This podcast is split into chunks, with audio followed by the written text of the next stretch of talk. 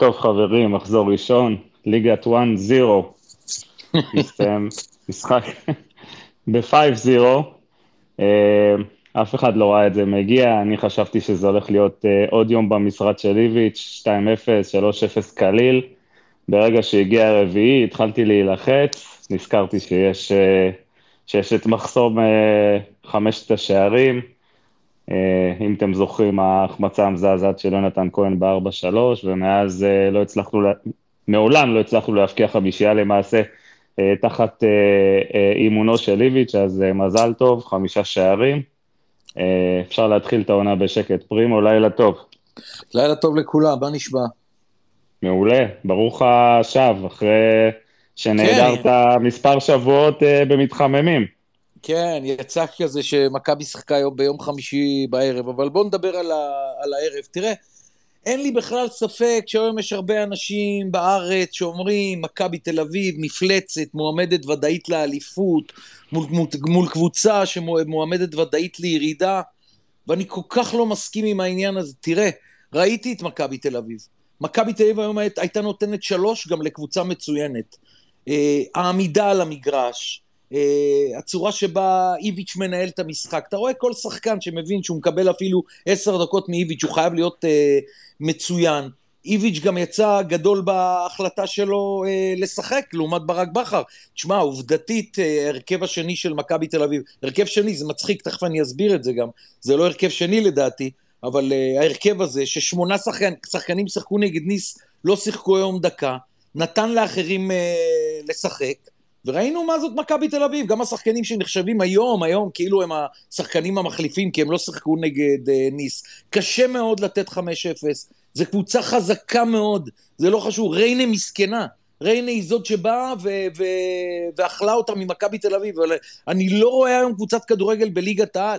תשמעו, אולי מכבי חיפה ובאר שבע לא היו מקבלות חמש, אבל זו הייתה תצוגת uh, תכלית, ו- וכל הקבוצות היום, היום היו מפסידות uh, בבלומפילד, גם בלי ערן זהבי, זה מוכיח לך איזה סגל uh, מפלצתי. עכשיו, לגבי הסגל, אני חייב לומר, קודם כל הזכרתי את השמונה שלא שיחקו בכלל נגד ניס, זה נדיר מאוד, כי אם אני לוקח את ברק בכר בהשוואה, ואני לא סתם כל הזמן משווה את ברק בכר ומכבי חיפה, כי ברק לא רצה לשחק נגד סכנין. עכשיו, תצאו מנקודת הנחה ששבעה שמונה שחקנים כמו איביץ' לא משחקנים נגד סכנין. ההרכב הוא לא טוב, הוא לא היה מנצח את uh, סכנין, וברק בכר ידע את זה. וזה ההבדל הגדול היום. כי ההרכב השני, ואני אומר בפעם השלישית, הרכב שני במרכאות של מכבי תל אביב, טוב כמו ההרכב הראשון שבכר uh, מציב, עם פיירו, ועם חזיזה, ועם שרי, ועם מוחמד. זה הרכב פנטסטי.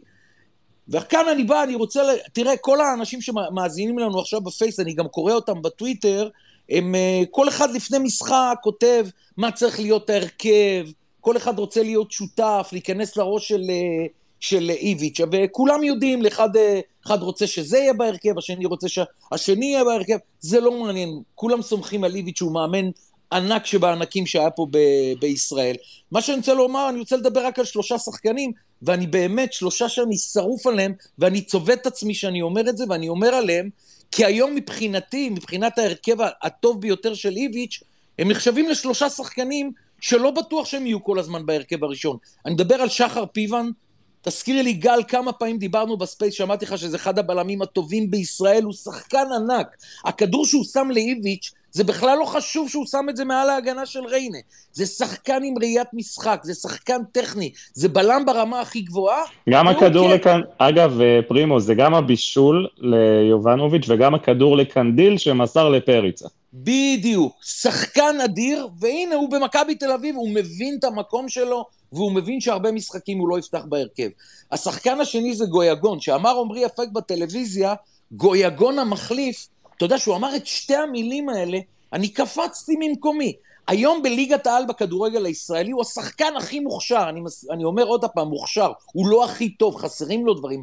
מבחינת כישרון הוא הכי מוכשר. עכשיו, שהוא שיחק בשנה שעברה במדי נתניה, נגד מכבי תל אביב, נגד מכבי חיפה ונגד באר שבע, שלוש הקבוצות הכי טובות בארץ, הוא היה פנטסטי, הוא הרג את ההגנות שלהם, זאת אומרת, הוא, הוא הוכיח לנו בשנה שעברה בקבוצה פחות טובה, שמקומו בהרכב הראשון של מכבי תל אביב, ואני בטוח שגם הוא כמו פיוון, יודע את מקומו, שהוא לא יפתח בהרבה משחקים, ואני מחזיק ממנו שחקן ענק, השחקן הכי אהוב עליי במכבי תל אביב, אבל הוא עדיין פצוע, זה לא שהוא אה, כשיר ב-100%, מניח שהוא לא שיחק כי הוא פצוע.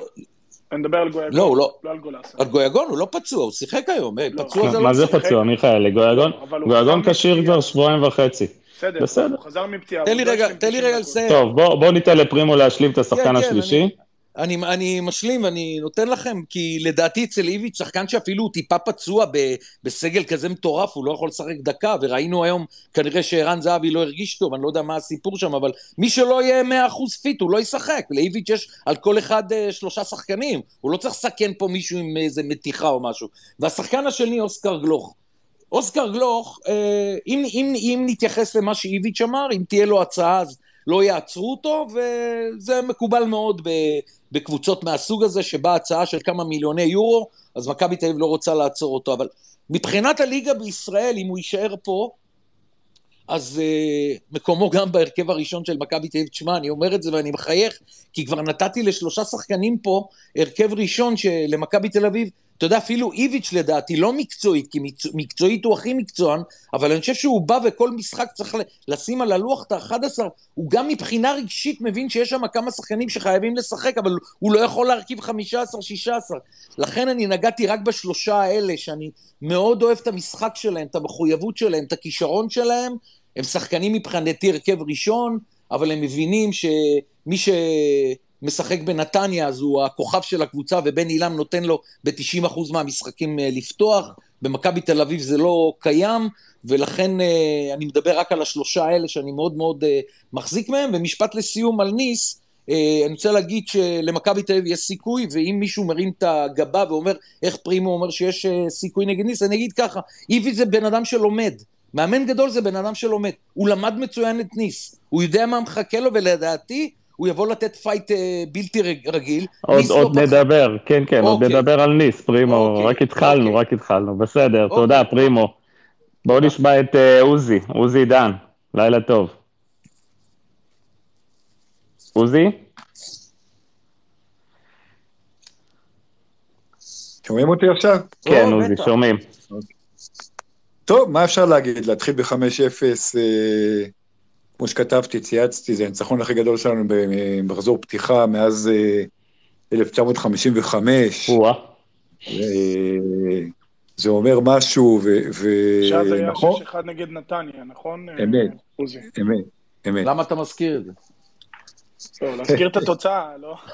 טוב, צוחק. לא, לא, לא אגב, בזמני, עוד לפני זה, בשנות ה-50, בתחילת שנות ה-50, זה היה גם תשיעיות וכולי, אבל אה, זה כמובן תקופה אחרת, אבל אה, מכבי תל אביב אה, היה לה...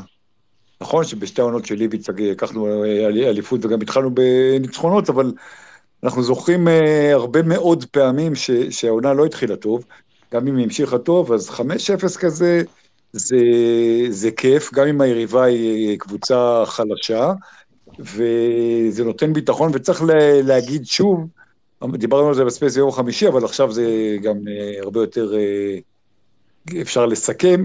טוב מאוד שלא uh, נדחה המשחק, שהתעקשנו כן לשחק אותו. Uh, זה נותן לנו לא רק ביטחון, אלא גם איזשהו יתרון uh, uh, בטבלה, גם אם חיפה יהיה להם משחק חסר, uh, לא משנה אם הוא יהיה ב-30 באוגוסט או, ב, ב, יותר מאוחר. צריך לזכור ששיחקנו היום, אה, אה, פרימו דיבר על הספסל החזק ועל... אה, לא רק בלי זהבי, בלי קניקובסקי, בלי ניר ביטון כמובן. שמונה שחקנים, עוזי, שמונה מההרכב. כן, כן, אבל אני אומר, זה לא רק, שמונה שחקנים זה יפה, אבל גם תלוי איזה, אתה יודע, ניר ביטון וזהבי מבחינתי הם אולי שני השחקנים הכי חשובים. למה? קניקובסקי גם חשוב כמוהם. לא, לא, וגם קניקובסקי כמובן. אז בקיצור, אני אומר, זה לא רק שמונה שחקנים, זה גם, זה גם חלק גדול מה, מהתותחים. אנחנו מגיעים ליום חמישי, צריך להזכיר שניס היום הפסידה לקלרמון 1-0, קיבלה שני אדומים, אה, בעיה גדולה מאוד בקבוצה הזאת, שתי נקודות מתשע ב- מול שלוש אה, קבוצות בינוניות וקטנות בצרפת, אחרי שהפסידו לנו ביום חמישי, התחילו עונה עם ארבעה משחקים בלי ניצחון, הם יגיעו. בלחץ אטומי, אני לא יודע אם זה טוב או לא טוב, כי, כי יכול להיות שהם יתפוצצו עלינו, הם בכל זאת קבוצה הרבה יותר טובה, אבל יכול להיות שהאוהדים ילחיצו אותם, ו, ויש פה איזה... עם הביטחון שאנחנו נגיע לניס, אחרי ה-5-0 ואחרי הניצחון בשבוע שעבר, יכול להיות שיש לנו פה סיכוי אה, לגדוף גם שלב בתים נגד קבוצה שהיא הרבה יותר טובה מאיתנו. אה, ואם גם אה, יונתן מגיע, כמו ש, שאנחנו שומעים מכל מיני מקומות, אה, ודסה, או אפילו רק אחד מהם, ובלם ש... יגיע. אני חושב, בלם זר יגיע, זה, כן, אני, אני, אבל אני חושב שקשה לבקש אה, פתיחת עונה ו, ו, וקיץ יותר טוב ממה שאנחנו חווים אותו. אה, כן, טוב. אם, אה, אם, אם דסה באמת מגיע, זה טורף את הקלפים, כי זה מאפשר לך לוותר על זר, להביא זר אחר במקום בעמדה שאתה צריך, וזה גם טוב. מאפשר לדסה לשחק ב-352 הזה בצד, זה פותח לאיביץ' הרבה יותר אפשרויות, מה שיש לו היום עם קנדיל וג'רלדש. זה, זה לא סתם שרק דסה מגיע. זה גם, גם שחקנים אחרים וגם יכולות כן. התקפיות היום. טוב, אה, מיכאל, אוטוטו אנחנו נגיע גם לדסה וגם ליונתן כהן וגם לניס, בינתיים נשמע את רז אמיר שייתן לנו קצת דיווחים מהמשחק, וחדשות מיונתן כהן ורן זהבי ו... תתחיל, אבל תסדר את זה לפי מה שאתה רוצה, לפי סדר. אתה תחליט, רז, אתה תחליט. איך שאני מכיר אותך, הכל כבר מסודר לך בראש, אז אה, קדימה. אה, נתחיל מזהבי, כי זה כנראה הכי מעניין אתכם. אה, איביץ' מסביר שזהבי בעצם מהבוקר סבל מסוג של התקררות, ככה סוג של איזשהו סינוסיטיס קל. ניסו לראות האם זה עובר, ברגע שעלו לקראת החימום ואמר לו שזה לא, אין שיפור והוא לא מרגיש עדיין טוב, כאבי ראש קצת וקצת נפלת וכל התסמינים של זה, אז אמרו שאין סיבה לתקן אותו. ולכן הוא ישב ביציע, אה, אבל לפי איביץ' הוא מעריך שערן אה, מחר אה, יוכל להתאמן עם הקבוצה, ובעצם משחק ניס הוא ישחק, זו השורה התחתונה, אבל לשאלתכם, האם לערן זהבי הייתה בעיה בשריר החשק, אז כמובן שזה לא, ומכבי לא שיקרה בהודעה שהיא הוציאה. ואיביץ' הסביר שזה סוג של סינוסיטיס קל כזה שהוא הרגיש מהבוקר. מה עוד שאלת אותי לגבי... אה, מר סאדאת עוד? יונתן כהן. יונתן כהן. יונתן כהן לא בסגל של אה, פיזה, אה, טענת הקבוצה באופן רשמי זה כאבים בצוואר. ממה שאני יודע, השבוע הזה הוא שבוע מאוד משמעותי בסיפור של יוני כהן, בכל הנוגע למגע, למשא ומתן בין ג'ק אנגלידיס, שהוא זה שמנהל את האירוע, מול המנכ"ל של פיזה. הם כמובן השניים שסגרו את המכירה של יונתן לפני שנה, והם מנהלים גם עכשיו את המגעים אה, להחזרתו. מכבי שלחה הצעה ראשונה של מיליון, פיזה רוצה לקבל בחזרה את כל מה שהיא השקיעה ביונתן כהן, זה כמובן לא יקרה. בסוף ייפגשו באמצע, אני לא חושב שזה יקרה בימים הקרובים, אני כן חושב שהשבוע הזה, בוא נאמר, יהיה שבוע שמאוד דוחף את העסקה לכיוון uh, חיובי. ככה לפחות אני מבין. Uh, ושוב, אבל אתה יודע, רז, רז, אני, אני בטוח שאתה מביא את הידיעות האלה ממכבי תל אביב, ואני סומך עליך במאה אחוז, אבל אתה יודע, מי כמוך יודע, אתה מסקר כל כך הרבה שנים כדורגל, במקרה שכזה, שדווקא היום נתפס לו הצוואר והוא לא בסגל, אני, התחושה שלי, ואני לא טועה, ב-99 אחוז, פיזה מבינה שיונתן בדרך למכבי תל אביב. אז הם אמרו כאב, הם אמרו כאב צוואר, אין בעיה שהם אמרו כאב צוואר, ואנחנו מבינים שזה, כי הוא בדרך למכבי תל אביב. פרימו, אני אגיד לך יותר מזה, יונתן ביקש לעזוב, זאת אומרת, זה, זה מאוד פשוט. בדיוק. כל הצדדים מבינים לאן הוא הולך. אמ, רק אה, אני, אני אגיד שוב שגם היום איביץ' חוזר על המשפט של שניים, שלושה שחקנים בימים הקרובים, וכמו שאמרתי לכם בספייס הקודם, מכבי לא רוצה לעשות החתמות בימים האלה, המשחק מול ניס הרבה יותר חשוב לה. אה, אני משער שהיא תתחיל להפוך דברים אה, לסופיים וחתומים החל מיום שישי הקרוב.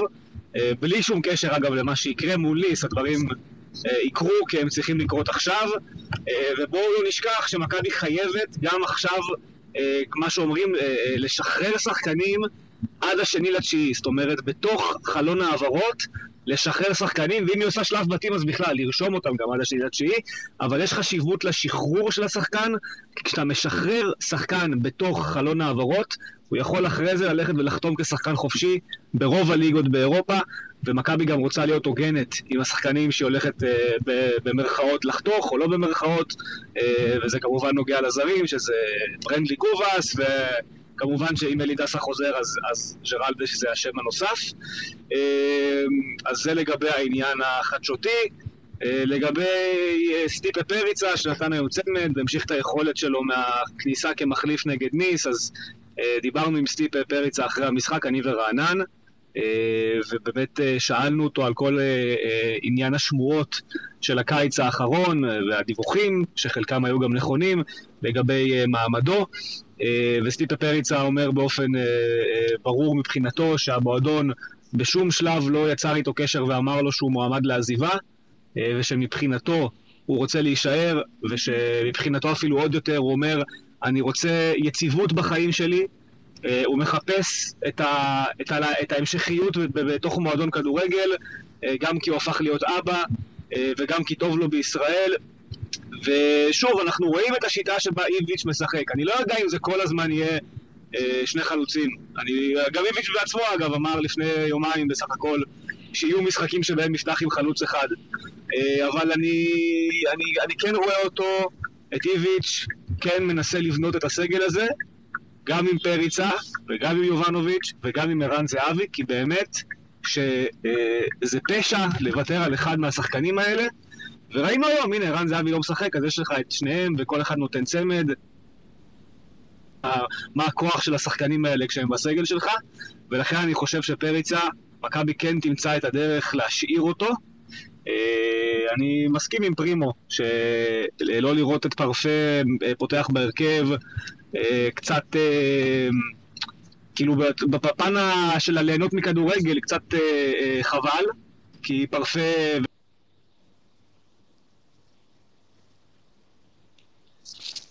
רז? רז, אתה איתנו? רז נעלם. רז נעלם, אוקיי, אז בוא נ... רז? בחיפה? רז? כן. טוב, רז, לא שמעו אותך בדקה האחרונה, בחצי דקה האחרונה. התחלת על אה, פרפה גויגון, תסיים על פרפה גויגון. גויגון, גויגון. אמרתי על פרפה גויגון שבאמת חבל שהוא לא פתח במשחק הזה. אני מבין כמובן אה, למה איביץ' רצה להמשיך במערך של הבלמים, שלושה בלמים, להמשיך לתרגל את זה, בטח לקראת ניס, אה, ואולי כי גם כרגע זה המערך הכי נכון עבורו. אני רק אומר ש... פרפה הוא מסוג השחקנים שאתה קונה בשבילם כרטיס, כמו שרי, כמו טוואמאסי, כמו עוד שחקנים שיש בליגה הזו. ואני כן, כן רוצה לראות אותו משחק יותר דקות אה, בהמשך הדרך, אה, וגם היום כשהוא נכנס, ראיתם את היכולת שלו על, על שטח מאוד קטן אה, לטפל בכדור, הוא באמת כוכב כדורגל. אבל כן, יש פה כאב ראש ענק לאיביץ' לאורך כל העונה להתמודד איתו, ובוא נגיד ככה, שאם הוא עושה אירופה, אז כאב הראש הזה אה, יהיה נחמד מאוד עד נובמבר, ואז יש מונדיאל ולאף אחד לא אכפת. אם הוא לא עושה אירופה, אה, יצטרכו לראות איך מתפעלים את כל האירוע הזה, אה, וזהו. אירוע מורכב מאוד. טוב, רז, אחרי זה נדבר על ניס ועל אה, עוד כמה לא דברים. אוקיי. לשמוע את זה מחר בפודקאסט, אם תרצו. יאללה, בשמחה. רז, רק שאלה קטנה לגבי פריצה, החוזה שלו הוא עד הקיץ, נכון? זאת. אומרת, אה, מכבי צריכה לחדש לו חוזה תוך כדי השנה. אה, נכון. הוא גם באיזשהו מקום בדבריו, בין השורות, יכול להיות שרענן גם יסכים איתי כשהוא ידבר על זה, אה, בין השורות הוא רמז שהוא ישמח לקבל חוזה מתגמל יותר, והוא רוצה יציבות, אז אפשר לחבר את הבדידים וייצא שתיים. אני חושב שפריצה, אם היום מכבי תניח בפניו הצעה על חוזה לעוד שנתיים, הוא ייקח אותו. אה, בטח עם איזשהו שדרוג אה, קל למשכורת, כי הוא מרוויח באמת שכר נמוך. אה, זה אפילו לא ה-400 אלף שאתם חושבים, זה אפילו טיפה פחות. אז 350 השכר של פריצה, הבסיס שלו, ואז עוד נקודות על זה, זה יוצא בסוף 400 וקצת, אבל השכר בסיס הוא 350 אלף, ולכן פריצה ללא ספק ישמח לחתום במכבי על חוזה חדש בשכר גבוה יותר, ולמען האמת, כל עוד באמת אחד מהליגיונרים חוזרים, בטח אם שניהם חוזרים, צריך לעשות את זה, זה הדבר המקצועי הכי נכון לעשות עבור מכבי תל אביב בראייה העתידית שלה, אה, כי ג'ורג'י יובנוביץ', ואני לא אפתיע פה אף אחד, לדעתי אנחנו רואים את העונה האחרונה שלו בבלומפילד. לגמרי, ואני הייתי נותן לפריץ החוזה מחר על הבוקר, אבל אני לא מנהל את מכבי, אבל בסדר. אה, רענן, תודה, רז. אהלן, ערב טוב.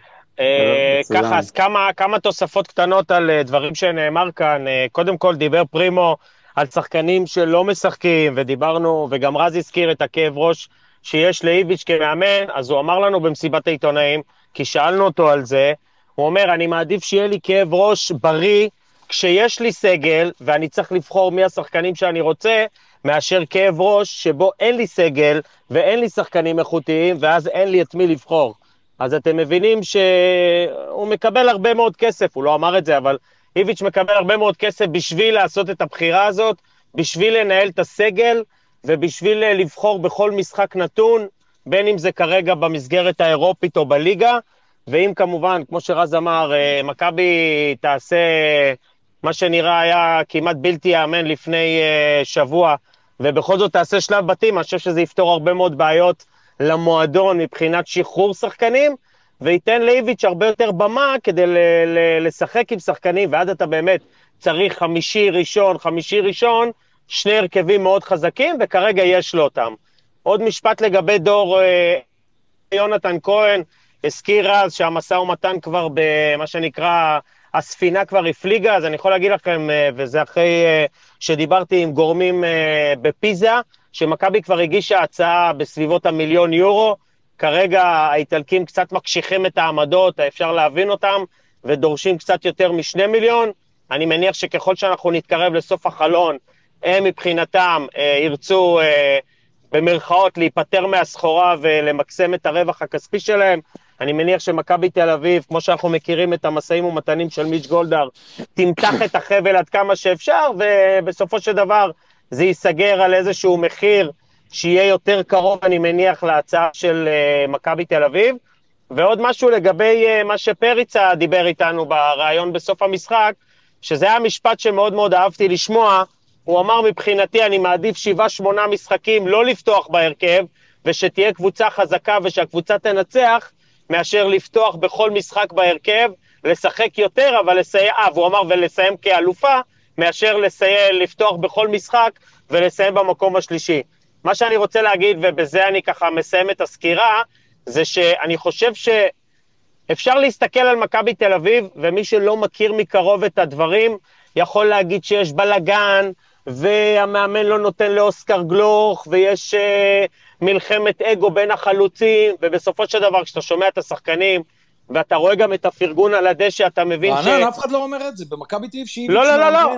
לא, לא, לא, לא, לא, אני אמרתי, אה, בוא, אתה יודע מה, אני, זה לא מישהו מיושבי הספייס הזה, אבל אתה יודע, יש גורמים אחרים שאוהבים לדבר על הקבוצה ולהגיד את דעתם, שאני מכבד את כולם, ואפשר בקלות להגיד דברים שליליים על הסיטואציה הנוכחית. לא כך הם פני הדברים של מי שנמצא ביום-יום ועוקב אחרי הקבוצה. שמענו את שחר פיבן אומר שזה כיף לראות את הקבוצה מנצחת, וכל אחד יודע את התפקיד שלו. והוא אומר בעצמו, אני יודע שהיום נקראתי לדגל, כי אולי המאמן רוצה לתת לכמה שחקנים אחרים לנוח, וזה בדיוק, אני חושב, הייתה הייחודיות של איביץ' גם בקדנציה הקודמת. הוא ידע לשמור את השחקן הראשון ואת השחקן השמונה, מבחינתו, כולם יכולים בכל משחק נתון. אז נכון שיהיה לו עכשיו את זהבי וניר ביטון וכנראה יובנוביץ' אה, כלידרים, אבל מבחינתו, כל מי שיישאר בסגל, בין עם אירופה, בין בלי אירופה, אה, אה, יהיה זכאי ויקבל אה, הזדמנות כמעט שווה. ואני חושב שבמכבי תל אביב, ולא רק בגלל התוצאה, עשו בשכל שהשאירו את המשחק הזה ולא דחו אותו ולא הסתבכו עם איזשהו לוז משחקים קצת יותר צפוף אחרי זה. המשחק הזה בא מבחינת מכבי תל אביב כמו משחק בהזמנה, משחק ביתי מול יריבה שרק עלתה ליגה, יחסי הכוחות ברורים, הזדמנות לתת לשחקנים לרוץ, הזדמנות לתת לשחקנים לנוח, וזה נראה שכאילו גם ניס וגם מכבי תל אביב הקשיבו לספייס שלנו לפני המשחק הראשון של אה, מכבי תל אביב וניס, וכרגע כל הפאזל מסתדר, לפחות עד יום חמישי, בדיוק כמו שדיברנו. שבוא נראה איך ניס תבוא ואפשר להפתיע אותה בשלב הזה של העונה, ויש להם צרות בליגה, לא, ועוזי אמר, אם הם לא מנצחים את קלרמון, הם יבואו בסופר לחץ לגומלין, וזה מה שהולך לקרות. יש להם את מרסיי ביום ראשון אחרי הגומלין, אני בטוח שהראש שלהם יהיה בליגה. אני לא יודע עד כמה הם יצטרכו את הכסף ה... בשביל מכבי תל אביב זה כסף גדול, בשביל ניס זה לא סכומים אה, ש... שיעשו הבדל בקונפרנס ליג, ולכן אני חושב שמבחינת מכבי תל אביב, כמובן זה לא יבוא לה בקלות ולא יבוא לה בהליכה, אבל היא, היא, היא יכולה והיא לגמרי נמצאת שם, ובעיקר אנחנו רואים את הגישה של המאמן ואת הגישה של השחקנים. אה, ולכן זה נותן הרבה מאוד אה, תקווה ואופטימיות מבחינת מכבי תל אביב לקראת המשחק בחמישי. יום חמישי הולך להיות ספייס מעניין, זה או ש... או שנדבר על העתיד, ואתה יודע, אם זה יהיה מסגרת אחת, אז זה יהיה באמת... בוא נגיד אה, שאחרי המשחק הזה, לכל מקרה, אפשר יהיה לדבר על העתיד בצורה יותר ברורה, כי ברור שהעתיד של מכבי בסגל הנוכחי הוא אחד, אם יש אירופה, ושני, אם אין אירופה. אה, ברור לחלוטין שאם אין אירופה, אז מכבי תצטרך אה, לשחרר לא מעט שחקנים, וכמו שרז אמר... מי מועמד?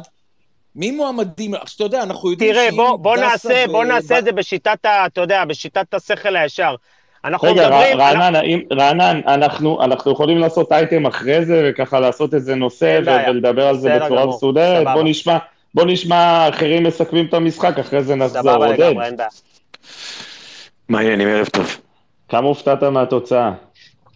האמת אה, די, אה, בדרך אה, למשחק הלכתי עם, עם הצלם של בני ריינה, נתן לנו להיכנס, בדרך לכניסה, הוא אומר לי, שמע, אתה מביא לנו חמש. אמרתי לו, תקשיב, אל תגזים, זה לא, אנחנו לא עד כדי כך כאלה, מסתבר שהוא צדק. אני חשוב לי להגיד דבר אחד על המחצית הראשונה דווקא, זה הסגל של שנה שעברה. אפילו לא הסגל הטוב של שנה שעברה, כי זה גם בלי גבי ובלי קניקו ובלי קובאס, אבל זה הסגל של שנה שעברה. עזבו את התוצאה, כי באמת בני ריינה לא קבוצה טובה, אני משוכנע שהם הולכים לחלק פה נקודות לכל הליגה, זה לא נראה כמו, קבוצת כדורגל כרגע. אבל בלי קשר לזה, מכבי נראתה ארבע דרגות ממה שהיא נראתה בכל משחק בעונה שעברה. בצורת משחק, באופן שבה עמדנו על המגרש, כן גולים, לא גולים, זה לא משנה בכלל. זה מה שאיביץ' הביא. איביץ' הביא שינוי כזה, שגם הסגל של שנה שעברה, פשוט נראה הרבה יותר טוב. וזה נותן לך הרבה אה, תקוות לעתיד. עכשיו, כמו שאמרו כאן, אגב, לפי מה שאני שומע, מעולם לא היה במכבי באמת דיון, אה, לא התנהל דיון לגבי דחיית המשחק.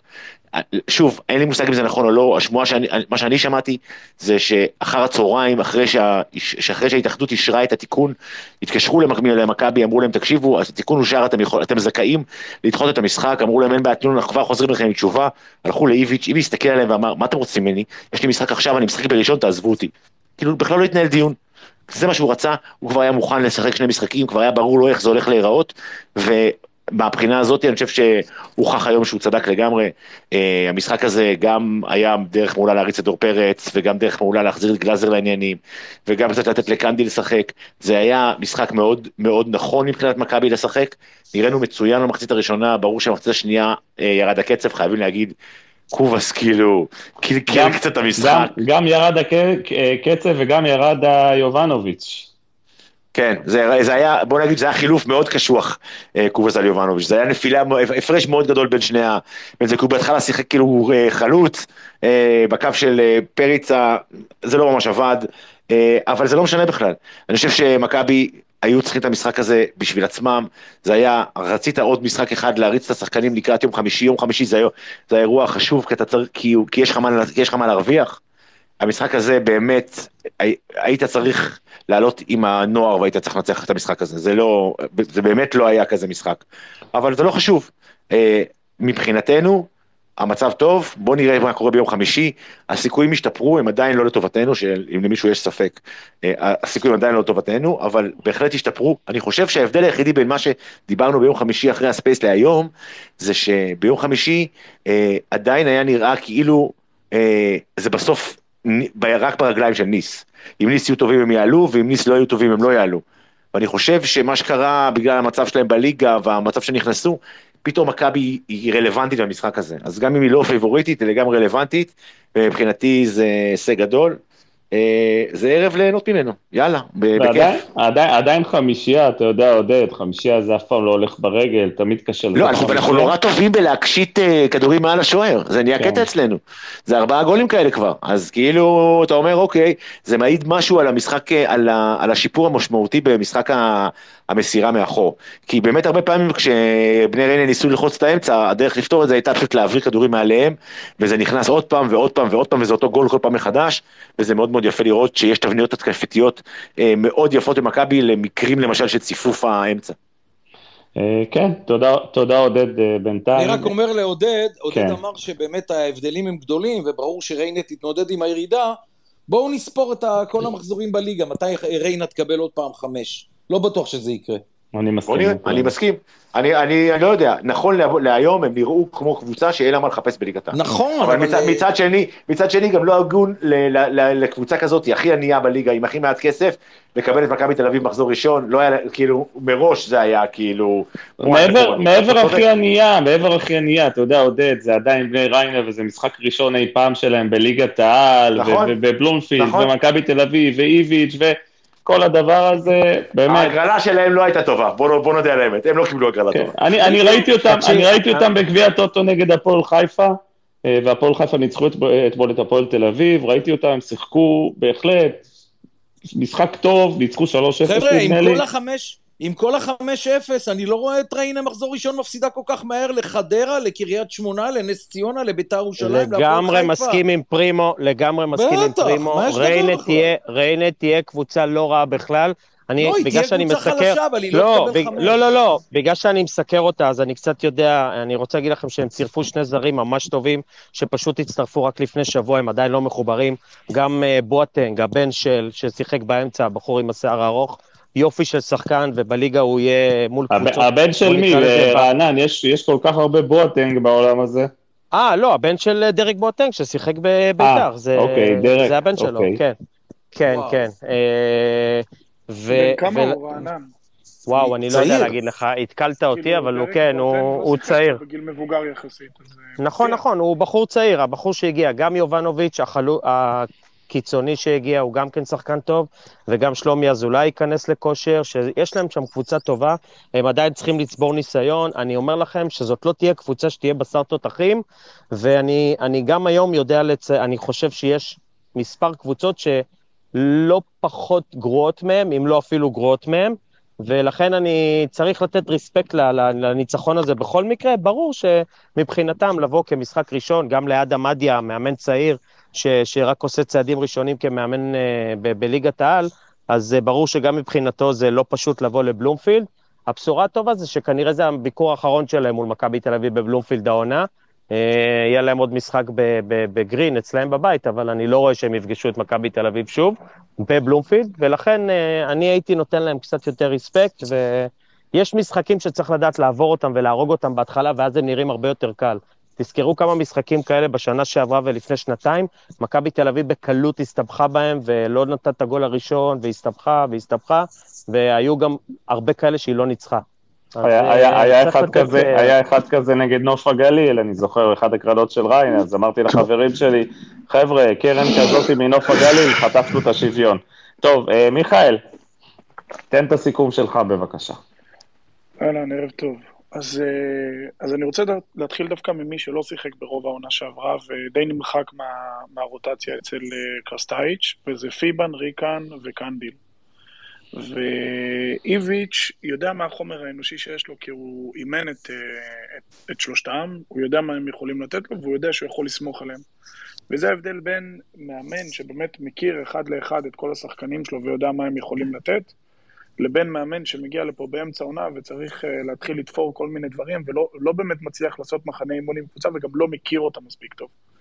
וקרסטייץ' מהלחץ ומהעובדה שהגיע למכבי באמצע עונה ומכל הפתרונות שהיה צריך לתת, uh, די דחק uh, מחוץ לרוטציה את, את השלושה האלו.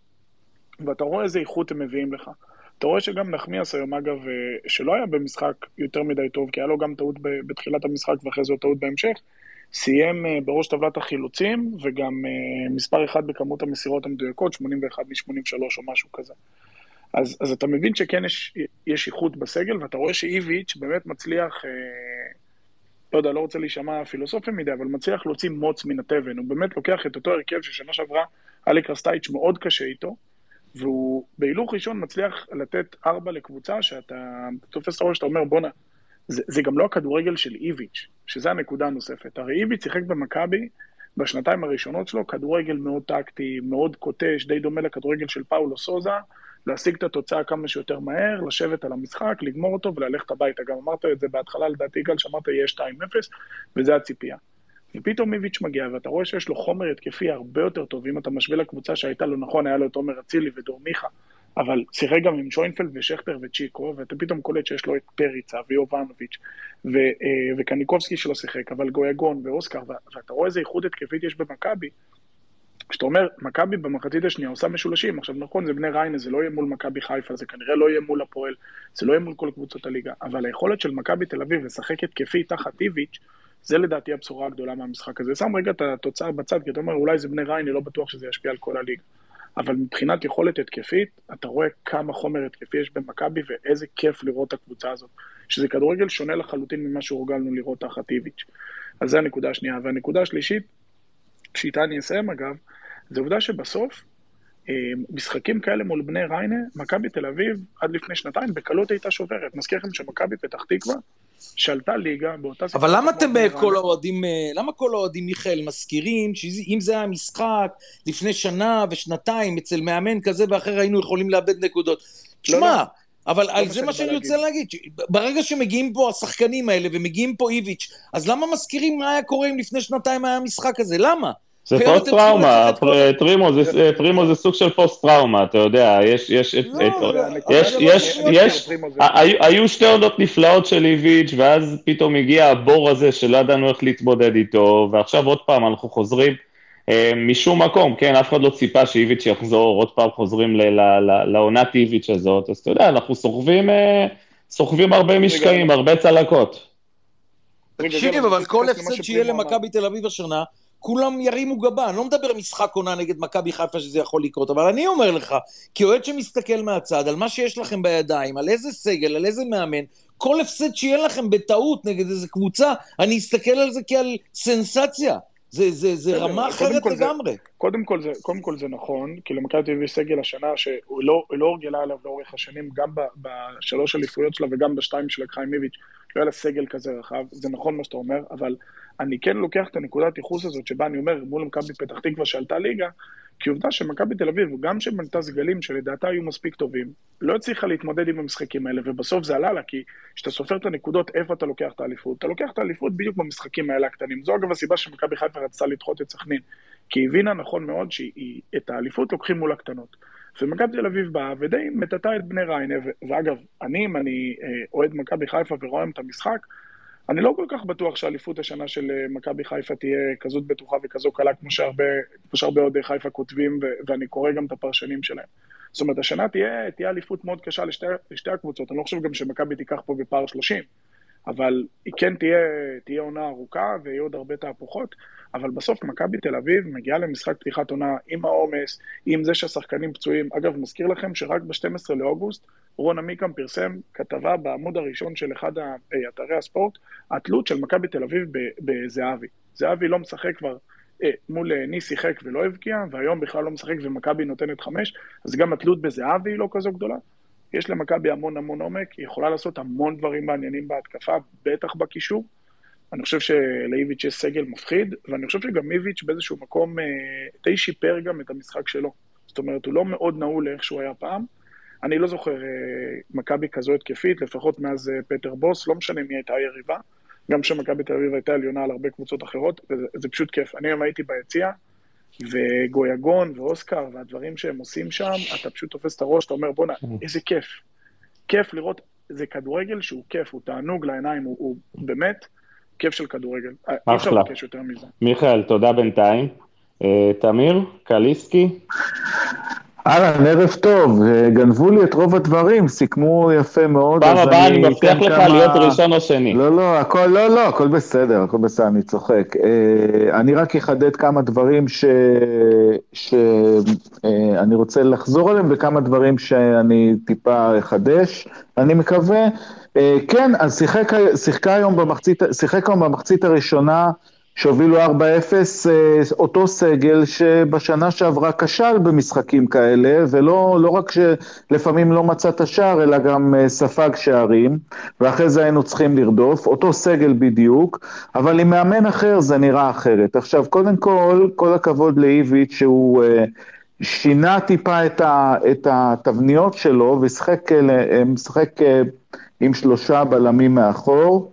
כאשר הרבה פעמים, אה, אם ראיתם, סבורית, אה, ברגע שיש התקפה, הוא זה שנכנס פתאום לאמצע בשביל לנהל את ההתקפה, ובוא נגיד בלשון המעטה משאירים כמה שפחות לנחמיאס אה, לנהל את ההתקפה, ולכן כשאנחנו סופרים מסירות טובות לנחמיאס, זה מסירות של שני מטר או חמישה מטר לקרובים אליו, ולא מסירות ארוכות, כמו שסבורית לקח על עצמו.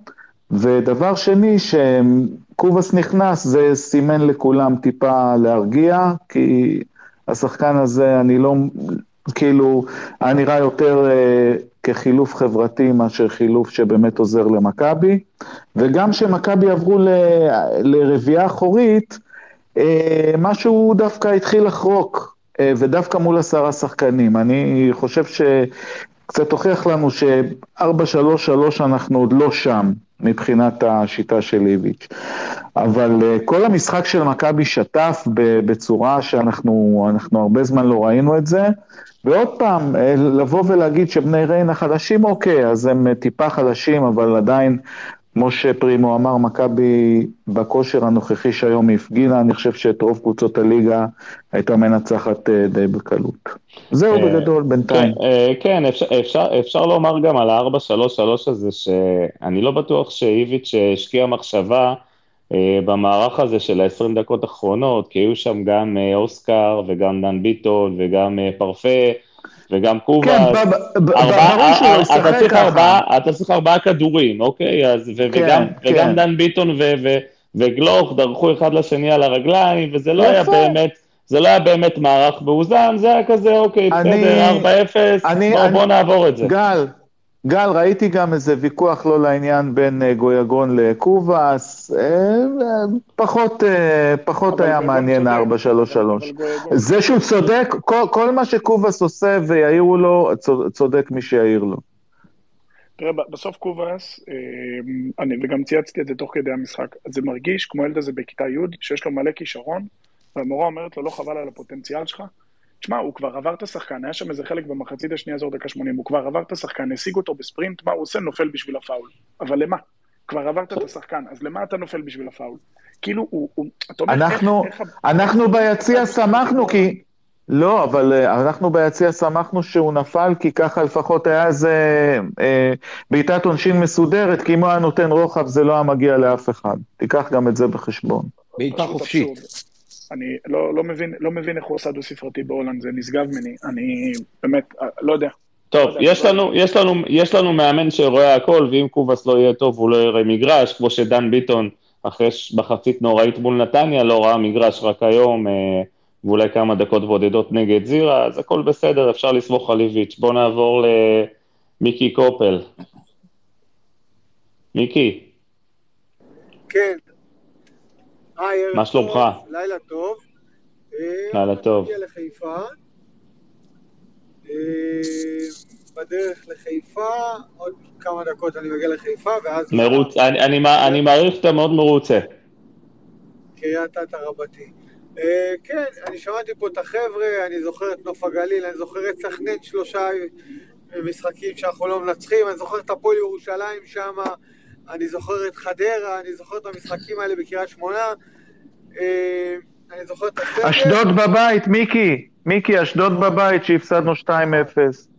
נכון, נכון, שרן יעיני התחיל לבעוט בבטן של השחקן. אה, אני זוכר את זה, ואני אומר עוד פעם, ריינה, נכון, אה, חוצה פעם ראשונה בליגת העל מול 20 אלף צופים, מכיר את המאמן שלהם, עשיתי לו קורס מאמנים. העוזר מאמן היה המנהל אה, קורס המאמנים שלנו, עודד קוטר. זה שני אנשים שעוד פעם, אה, צריכים להנהיג את הקבוצה הזאת. אני לא חושב שהקבוצה הכי גרועה בליגה. אני חושב שאם היא הייתה משחקת היום נגד הפועל תל אביב, היא גם, היא מנצחת את הפועל תל אביב. אה, וגם את הפועל ירושלים. ראיתי את המשחקים האלה, ואני לא בטוח שלא את חדרה. ככה שאני לא בטוח שהיא תרד ליגה, יכול להיות שהיא תעשה אפילו חיזוק שניים. אבל אני כל כך מבסוט ומאושר שיש לנו קומנדור על הקווים, ולראות אותו מנצח על התזמורת, ואת השחקנים המחויבים, שהוא מביא אותם לנקודת רתיחה, שהם עולים על קר הדשא, לאימון, לחימום, ולראות אותם עם הברק הזה בעיניים, ולראות אותו מסתכל עליהם מהמערה, מנהרה, עם מבט כזה שאני לא יודע אם אני מצליב איתו מבט, אני לא יודע אם אני לא מתעלף באותו רגע מפחד. זה, זו מכבי תל אביב, זה, זה המנהל שהיה צריך אותו, חייבים אותו במנטליות שלנו, אולי אפילו הישראלית. ומי ששמע את המסיבת עיתונאים, אני חושב שזה היה הסולד מבחינתי. שאלו אותו שם על אוסקר, הוא אמר, חבר'ה, אני לא קורא כלום, אני, לא, אני לקחתי החלטה בקבוצות הקודמות, אני לא קורא אינטרנט, אני לא קורא עיתונים, אין לי מושג מה אתם כותבים, אני מכבד אתכם, אבל אני לא קורא כלום, אל תעלבו. זה דבר אחד. דבר שני, הוא אמר, יש בעל הבית, הוא קובע. אוסקר יעזוב, יעזוב, אני לא קובע, לי יש סגל, אני צריך להביא את הקבוצה מוכנה למשחק הקרוב. ולהגיד את המשפט הזה למשחק הקרוב, זה לא מעניין אותו אם הוא משחק נגד ריינה או משחק נגד, ניס. איך אמר שכטר בפודקאסט הכי יפה שאני חושב שמעתי אי פעם? הוא אמר, שנתיים הבן אדם מסתכל ואתה חושב שהוא מסתכל רק עליך. הוא מגיע לכל משחק, הוא יודע איפה להעמיד את השחקן. ולכן אני סומך עליו. ולסיום, אני רוצה להגיד שהיה שלב שם של טיקי טקה, שכאילו קחו את הכדור, כמו ההורה הזה שזורק בגן משחקים את הכדור, אומר לכו תשחקו כדורגל, זה לא איביץ'. אבל אני כל כך נהניתי לראות את זה, שאפילו לפעמים זה היה נראה כזה סוג של... אה, הגזמנו קצת, וואלה, זה עשה לי טוב. זה עשה לי טוב כי זה נותן מצב רוח לקראת יום חמישי. אני מקווה שנהיה על המטוס ביום אה, רביעי ונביא את העלייה, ואיך אומרים, להשתיק פה קצת את אוהדי חיפה, כי אני אוכל פה מה זה קש. הם כבר חושבים שהם מניפים צלחת וכבר בדדו מקימים את הבמות. אז אה, תודה רבה על הערב הנפלא הזה שוב בספייס, ויאללה מכבי. יאללה, תודה רבה מיקי, תביא ניצחון. גל, גל, משפט ברשותך, אני חייב פה לשלושה חבר'ה מהספייס שתיקנו אותי, אז אין לי בעיה לחזור בי מהטעות שנתתי כאן מבחינת מידע. אה, ריצ'רד בואטנג הוא אח של דרק בואטנג, אה, הוא בן 30 וזה לא הבן שלו, זה אח שלו, אז תודה לכל מי שתיקן אותי ושמנו דברים על דיוקם ואפשר להמשיך, מתנצל על הטעות. אה, טוב, רענן, בהזדמנות זו, יחד עם פרימו ועוזי, ואני אשמח אם עוד חברים ייכנסו לדיון, אני לא רוצה להקדים את המאוחר, אבל באמת נראה שהסגל של מכבי תל אביב מאוד מאוד רחב.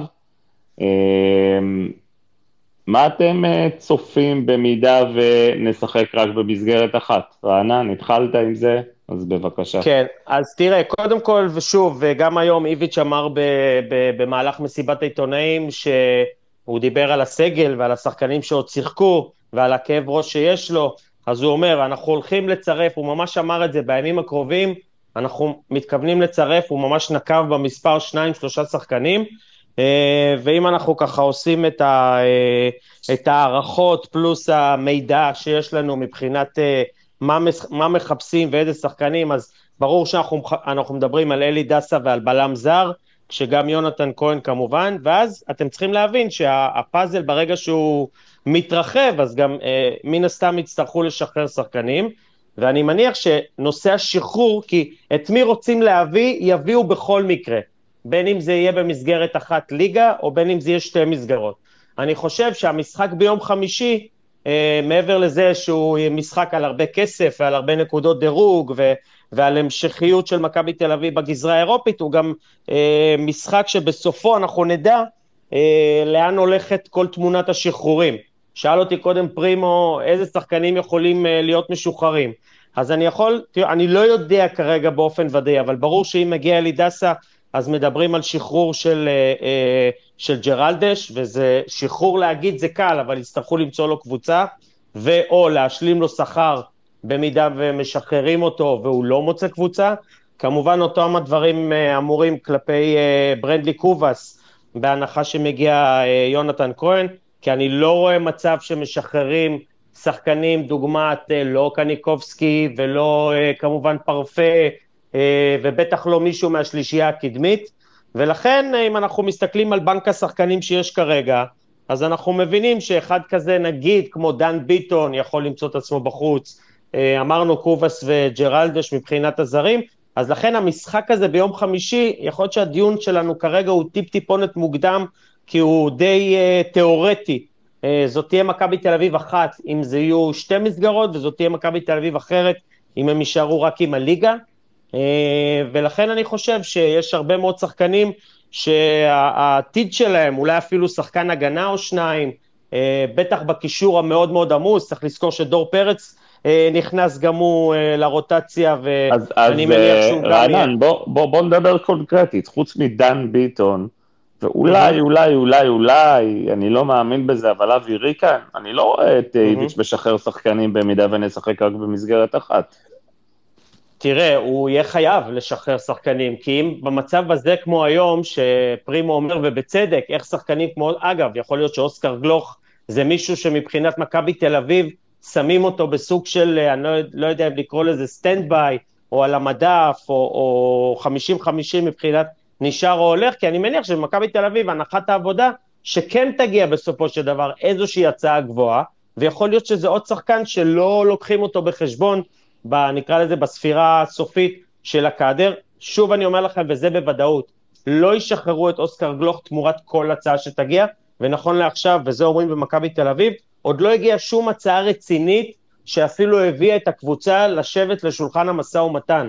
אמ, אני כמובן מכבד את כל, אה, כל הקולגות שלי וכל מי שמפרסם אה, סכומים, אבל לפחות מה שמגיע מתוך מכבי תל אביב, הם לא קיבלו שום הצעה רצינית על אוסקר גלוך, אז כך שנכון לעכשיו הוא שחקן סגל לכל דבר, אה, ו, אבל, אבל כן לוקחים בחשבון שבגלל האליפות האחרונה, ובגלל שהוא פרוספקט, ובגלל שהוא שחקן שיכול להיות מבוקש ויכולה לבוא פתאום איזושהי קבוצה לקראת סוף חלון העברות, או שהסוכן שלו יביא הצעה, או שתבוא קבוצה ותציע, ויכול להיות שזה עוד שחקן שיכול להיות משוחרר.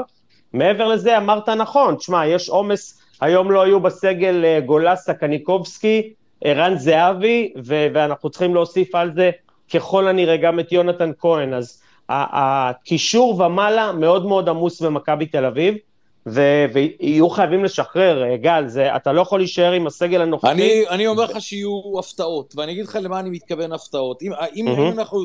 אם אנחנו יוצאים מנקודת הנחה שדסה, יוני ו... ובלם זר מגיעים, מכבי תשחרר בלם, והפתעה מבחינתי תגיד לנחמיאס. כי אם יש לך את פיוון, ביטון, אה, בלם זר וייני, וייני שחקן שלא ישחררו אותו עכשיו עם חוזה, אתה לא צריך חמישה בלמים, אז בלם ישוחרר, אם אני לוקח את כל הבלמים של מכבי, יכול להיות נחמיאס. תראה, זו הרגשה לא נעימה, להכניס שחקנים לחדר עם חוזה, ריקן כזה, ביטון כזה, קוואס וג'רלדש. אין ברירה. עכשיו אני אומר לך, צריך להמתין בסבלנות לניס, כי אני לא רואה את מכבי כל כך מהר אבל לניס. אבל אנחנו לוקחים, אה, לוקחים את בחשבון שאם היא באמת תודח. אז לשחק משבוע לשבוע, שעל כל תפקיד יש שלושה שחקנים, אה, אה, זה לא קיים גם במנצ'סטר סיטי, חבר'ה, בואו. יצטרכו פה לחתוך בבשר החי, שחקנים שאנחנו אפילו לא חושבים עליהם, אז אני, תוך כדי שאני מדבר איתך, מכבי לא צריכה חמישה בלמים, שלא ספרתי צבורית בקרב הבלמים. זאת אומרת. יהיו לה נכון. חמישה בלמים בלי צבורית, זאת אומרת, בלם אחד ישוחרר, אין, אין, אין, אין על מה לדבר. קשרים, אם uh, גלוך uh, יעזוב, אז אולי זה יעזור לריקן להישאר, אבל אם כולם יישארו, גם ריקן יצטרך לעזוב, גם ביטון יצטרך לעזוב, קוואס וג'רלדש בטח. מתן חוזז לא הזכרנו אותו עד עכשיו בשיחה, זה עוד שחקן לא. שנמצא בחלק הקדמי הזה. אבל, אבל, yeah, מתן, אבל, אבל מתן סוגר לאיביץ' את הפינה של הקיצוני מחליף, נקרא לזה ככה. אלא אם, אלא אם, גל, אלא אם מגיע בלם, אה, בלם זר, ואז משחקים בלמים, ניר ביטון בלם זר ועוד אחד מהבלמים, ואז סבורית הופך להיות אותו כנף שמאל, והמגן השמאלי, שזה בעצם התפקיד שאיביץ' מייעד לו, כי הוא אמר בתחילת השנה, מבחינתי, המקום הכי נכון לסבורית הוא להיות מגן שמאלי, אז יכול להיות שכרגע כאילוץ, ובגלל שאין לו את אותו בלם זר, אז הוא עדיין משחק איתו כסוג של בלם, ודוד זאדה הוא זה שרץ על הקו, או פעם חוזז הוא זה שרץ על הקו. מזכיר לכם שחוזז לא היה אמור לפתוח נגד אריס סלוניקי, דוד זאדה נפצע בחימום. זאת אומרת, יכול מאוד להיות שגם המעמד של אה, מתן חוזז הוא איפשהו מתנדנד בהתאם למה שמכבי תל אביב תביא. אגב, רענן, גם יונתן שיחק אה, הרבה פעמים קיצוני שמאלי במערך שלושה בלמים. בדיוק, נכון, נכון, נכון, ואצל איביץ', גם אצל כן, איביץ' הוא שיחק את התפקיד הזה, הוא אפילו התראיין על זה ואמר נכון. שהוא לא תמיד אהב את זה, ופעם אחת שהוא עשה פרצוף אז הוא גם מצא את עצמו בחוץ. אה, אני מניח שיונתן כהן, אם יבוא עכשיו לקבוצה שאתה אה, יודע, עמוסת כוכבים ועמוסת שחקנים וסגל, אז הוא, הוא ישחק איפה שאיביץ' יגיד לו, ולכן זאת באמת שאלה סופר מעניינת, המשחק הזה ביום חמישי. בוא נגיד שאם מכבי תל אביב עוברת את ניס, זה גם פותר הרבה מאוד כאבי ראש למועדון מבחינת שחרור שחקנים, כי אז אתה כבר צריך סגל הרבה יותר רציני, כי אתה באמת רוצה להגיע עם הרכב חזק למשחק בשלב הבתים, ועם הרכב מאוד חזק גם למשחק הליגה, שיבוא לפעמים שלושה ימים או ארבעה ימים אחרי אותו משחק אה, בשלב הבתים. לכן קשה מאוד עכשיו, לפני שאנחנו יודעים מה התוצאה ביום חמישי, אה, להתנבא, אבל ברור שיש שחקנים שמן הסתם, ברגע שנגיד ג'רלדש כזה, ברור שהוא אה, בין הראשונים שיעלו על הגריל, אותו דבר ברנדלי קובאס, כי יצטרכו לפנות אה, אה, מקום לזרים שיבואו. בסדר, רענן, שנה שעברה באותה תקופה וגם לפני שנתיים, ואולי אפילו לפני שלוש, אנחנו כל הזמן דיברנו על להשלים את הסגל ומתי יגיע הרכש, ועכשיו אנחנו מתעסקים במי צריך לשחרר. אז אם אתה שואל אותי, תמיד אני משמעית. מעדיף להיות בצד הזה של אה, סגל לא, עמוס ואת מי צריך לשחרר. זה, זה גם מה שאמרתי לכם שאיביץ' אמר היום במילים שלו, הוא אומר, אני מעדיף שיהיה לי כאב ראש עם הרבה שחקנים טובים כדי לדעת לבחור את ההרכב לכל משחק, מאשר להיות במצב שיש לי כאב ראש כי אין לי שחקנים מתאימים לבחור לכל משחק. כן, אם אנחנו... אני חושב שמבחינה הזאת, ברור כן. שמכבי תל אביב התחזקה בצורה משמעותית, וכל שחקן היום, כל שחקן היום יכול להיות שחקן הרכב, ויכול גם להיות שחקן ספסל, אולי למעט, בוא נסמן שניים, שלושה אה, בנקרים או לידרים כאלה, כמו יובנוביץ', זהבי ו... וניר ביטון, שגם אה, יובנוביץ', אני מניח, ימצא את עצמו על הספסל במשחקים כאלה ואחרים. וגם זהבי, אגב. אה, כן, זהבי כן, אה, מפאת אה, אולי גילו, ואתה יודע, והחשש מעומס ופציעות וכדומה, במיוחד שאתה יודע שיש לך, שיש לך גיבוי כמו יובנוביץ' ופריצה, שהיום ראינו שמדברים בשפה משותפת תרתי משמע, כן, התיאום ביניהם עוד משנה שעברה ממש מושלם, כאילו ראינו ש, שיובנוביץ' יצא כמה זה פגע במשחק של מכבי ומה הפערים העצומים בין קובאס ליובנוביץ'. וכמה יובנוביץ' אה, שחרר את פריצה ואיזה תנועות, לש... תנועות לשטח הוא עושה. אה, עוזי, שאלה קטנה. כן. אתה אה, עתיר ניסיון ויש לך גם זיכרון, ואתה יודע, אתה אנציקלופדיה מהלכת. אני יכול לשאול אותך, במידה ויונתן יגיע ואלי דסה ובלם זר בעל שיעור קומה, איך שאומרים, האם זאת מכבי תל אביב אולי הכי חזקה שאנחנו הולכים לראות? תיאורטית. עדיין לא מעשית כמובן. קודם כל, אתה יודע, אתה מכיר את הבדיחה על ההבדל בין תיאורטי למעשי. תיאורטית כן, תיאורטית, בטח מה, מאז הגלקטיקוס, והגלקטיקוס היו, לא נבנו כמו שצריך. זה גם, לא, זה גם לא רק סגל, זה גם מאמן. כאילו, אנחנו מדברים פה כל הזמן... כן, כן, כל החבילה, סליחה, אתה, אתה צודק לגמרי, כל החבילה. אני חושב, אני חושב שכן. אני רוצה להגיד משהו לגבי המשחק בחמישי. כמה הוא חשוב לאיביץ', אנחנו לקחנו שתי אליפויות בשבע העונות האחרונות, שתיהן עם איביץ' כמובן, אבל זה שתי העונות היחידות בשבע העונות האחרונות שלא היינו בבתים באירופה. בכל חמש האחרות שאיביץ' לא היה פה, היינו או בבית בצמפיונס או ב- בליגה האירופית, וכמובן שנה שעברה בקונפרנס. ולא לקחנו אליפות. נכון, אני אומר. אני חושב שמבחינת איביץ', שכמובן לא מוותר אם אנחנו אה, עולים לבית של הקונפרנס, הוא לא מוותר על האליפות, האליפות זה הדבר הכי חשוב, אבל מבחינתו, וצריך להזכיר שגם בפאוק אה, סלוניקי בזמנו, הוא, לא, הוא, הוא עף ממוקדמות ה... אה, בליגה האירופית, ממוקדמות הצ'מפיונס וירד לליגה האירופית, ווטפורד כמובן לא היה לו, זאת אומרת, הוא מבחינתו, עם כל הכבוד לליגה הישראלית, הוא חזר אלינו ובשביל כסף והכל, זה, הוא, נורא נורא חשוב לאיביץ', מעבר לזה שחשוב למכבי, זה נורא נורא חשוב לאיביץ', אם הוא עובר את ניס, אם אנחנו עוברים את ניס והוא בבתים, אה, זה, זה, זה סוג של אה, תיקון אה, עבורו, וכמו שרענן אמר, זה, זה פותר לנו בעיות של אה, אה להשאיר סגל, אה, ייכנס כסף בכל מקרה, לא משנה מה נעשה. אז, אז אני חושב שהמשחק הזה ביום חמישי, ושוב אני אומר, וחזרו, אמרו על זה, אמרו על זה קודם, אם לפני המשחק הראשון לא באמת האמנו שאפשר לעשות את זה. אפשרי, אפשרי. לגמרי אפשרי, לגמרי אפשרי, לאור המצב של ניס, לאור ה... אה, שוב, ניס עדיין פיבוריטים, אבל, אבל אה, זה אפשרי, ואני חושב שהמשחק הזה בשביל איביץ', אה, אולי המשחק, בטח המשחק הכי חשוב שלו, מאז שהוא חזר למכבי, ואולי גם המשחק הכי חשוב של מכבי, וצריך לבוא, צריך לבוא ב... ב במטרה לנצח, זאת אומרת, במטרה לעשות תוצאה, לא במטרה להתגונן ולעשות 0-0 ולהעיף כדורים. אנחנו הראינו שאנחנו יכולים לשחק מול הקבוצה הזאת, אה, אה, סופר חשוב. אבל אם לא עוברים את אה, ניס ואם נשארים רק בליגה, אז, אז אין מנוס, כמו שפרימו אמר, לא משנה אם זה נחמיאס או ביטון, או, או ישחררו שניים שלושה שחקנים, בהנחה שבאמת יביאו בלם זר, ולפחות יוני יגיע, אולי גם דסה. ואז אני חושב שכל דבר, כל דבר פחות מאליפות, לא משנה כמה חיפה תהיה טובה, חיפה בכל מקרה משחקת באירופה, בכל מקרה יהיה לה שישה משחקים בשמונה שבועות באירופה, בין אם זה צ'מפיונס וגם אם זה ליגה אירופית, זה, זה לא פשוט. אה, אם אנחנו לא באירופה, כל דבר שהוא פחות מאליפות, כל... אה, יהיה כישלון, יהיה כישלון. אני, אני, אני, אני... אני רוצה להגיד שני דברים. קודם כל, לגבי ניס, אתה יודע, עוזי, ראיתי היום שני משחקי כדורגל באנגליה, שהייתי בטוח שקבוצה אחת מביסה את השנייה, זה היה צ'לסי נגד ליץ, ואחרי זה סיטי נגד ניו, ניו קאסל. היית שואל אותי לפני כן, הייתי אומר לך ש... שני המשחקים הסתיימו ב-3-0 קל, לכן אני אומר, כדורגל, אתה לא יודע איזה הפתעות. התחלתי קודם לומר לך על אה, איביץ', שאיביץ' למד את ניס.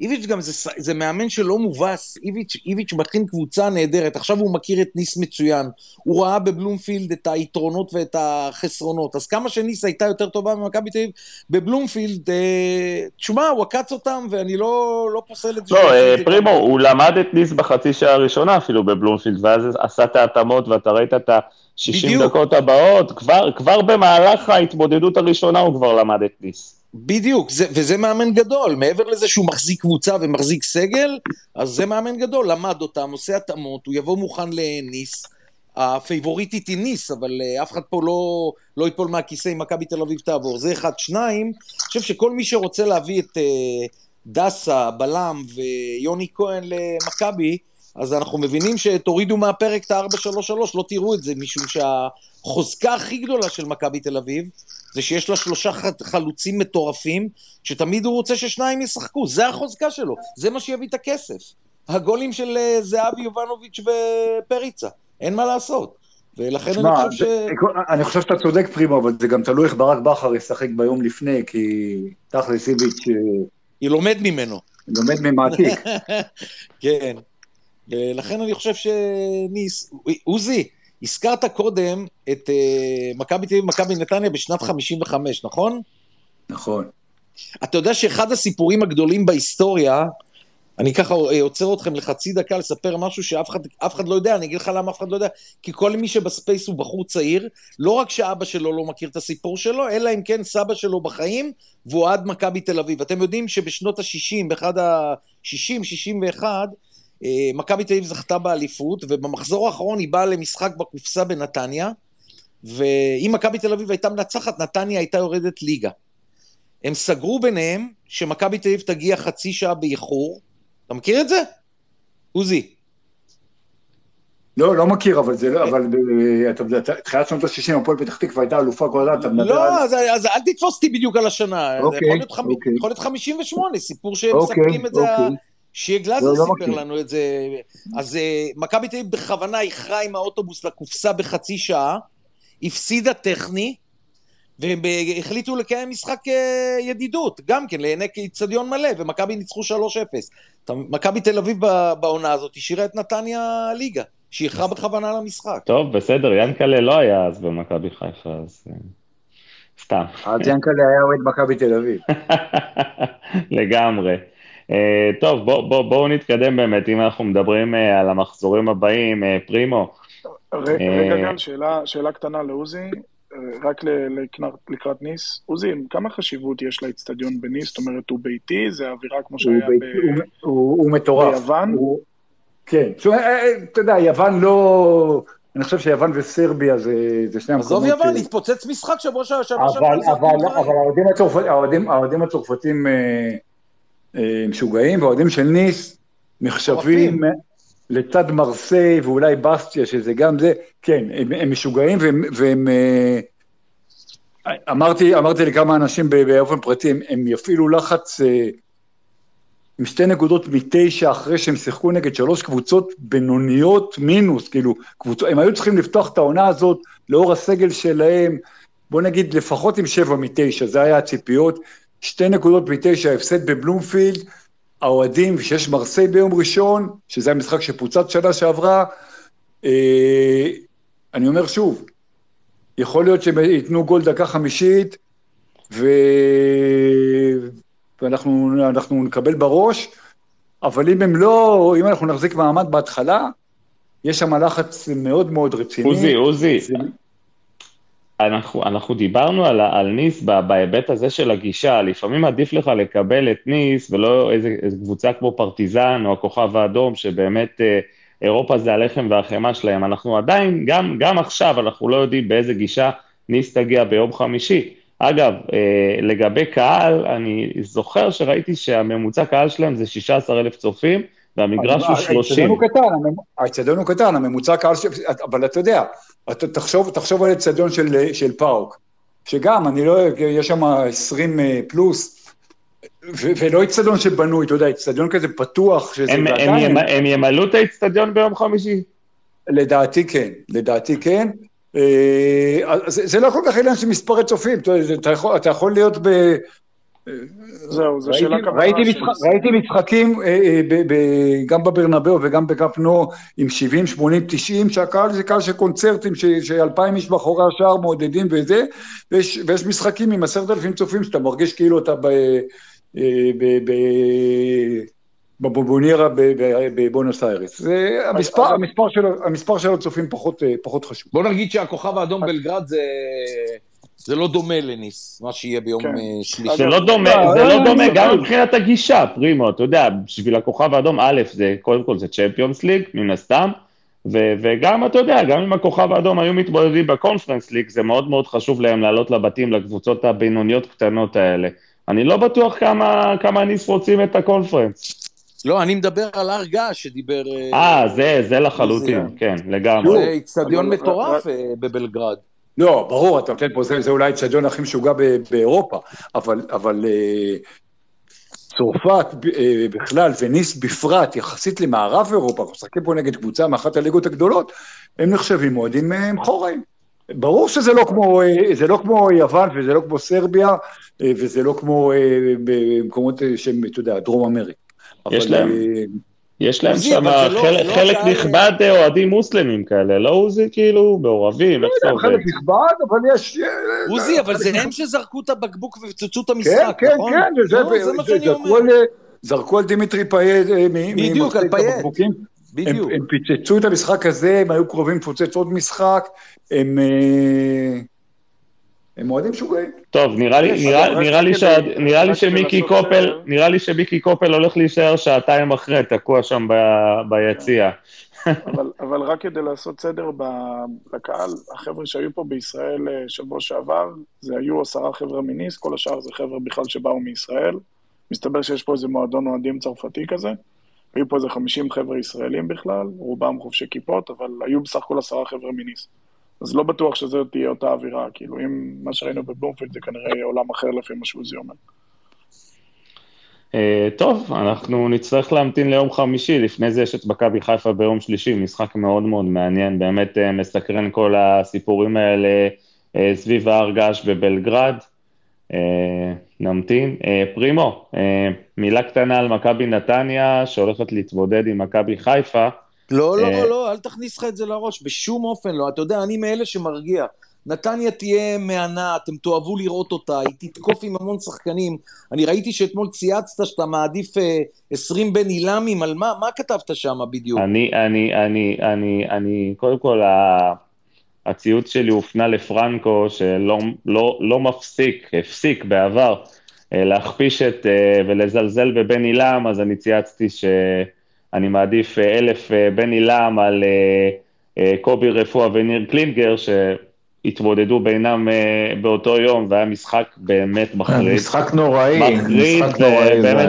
המחצית הזאת, המחצית הראשונה, ובכלל, כל המשחק בנתניה לבית"ר ירושלים, זה היה פיצוי, ובאמת, אני, אני מוכרח להחמיא לבן עילם על הכדורגל שלו, ו, ואתה יודע, פרנקו אחרי זה ענה לי, אבל תבוא תדבר איתי במחזור העשירי, אבל אני בתור אוהד כדורגל, זה לא מעניין אותי, התוצאות של נתניה, בין אם הם ישיגו 25 אה, נקודות, או בין אם הם ישיגו 15 נקודות, אוקיי? אני נהנה מהכדורגל, נתניה באים לא, לשחק פתוח, שאני...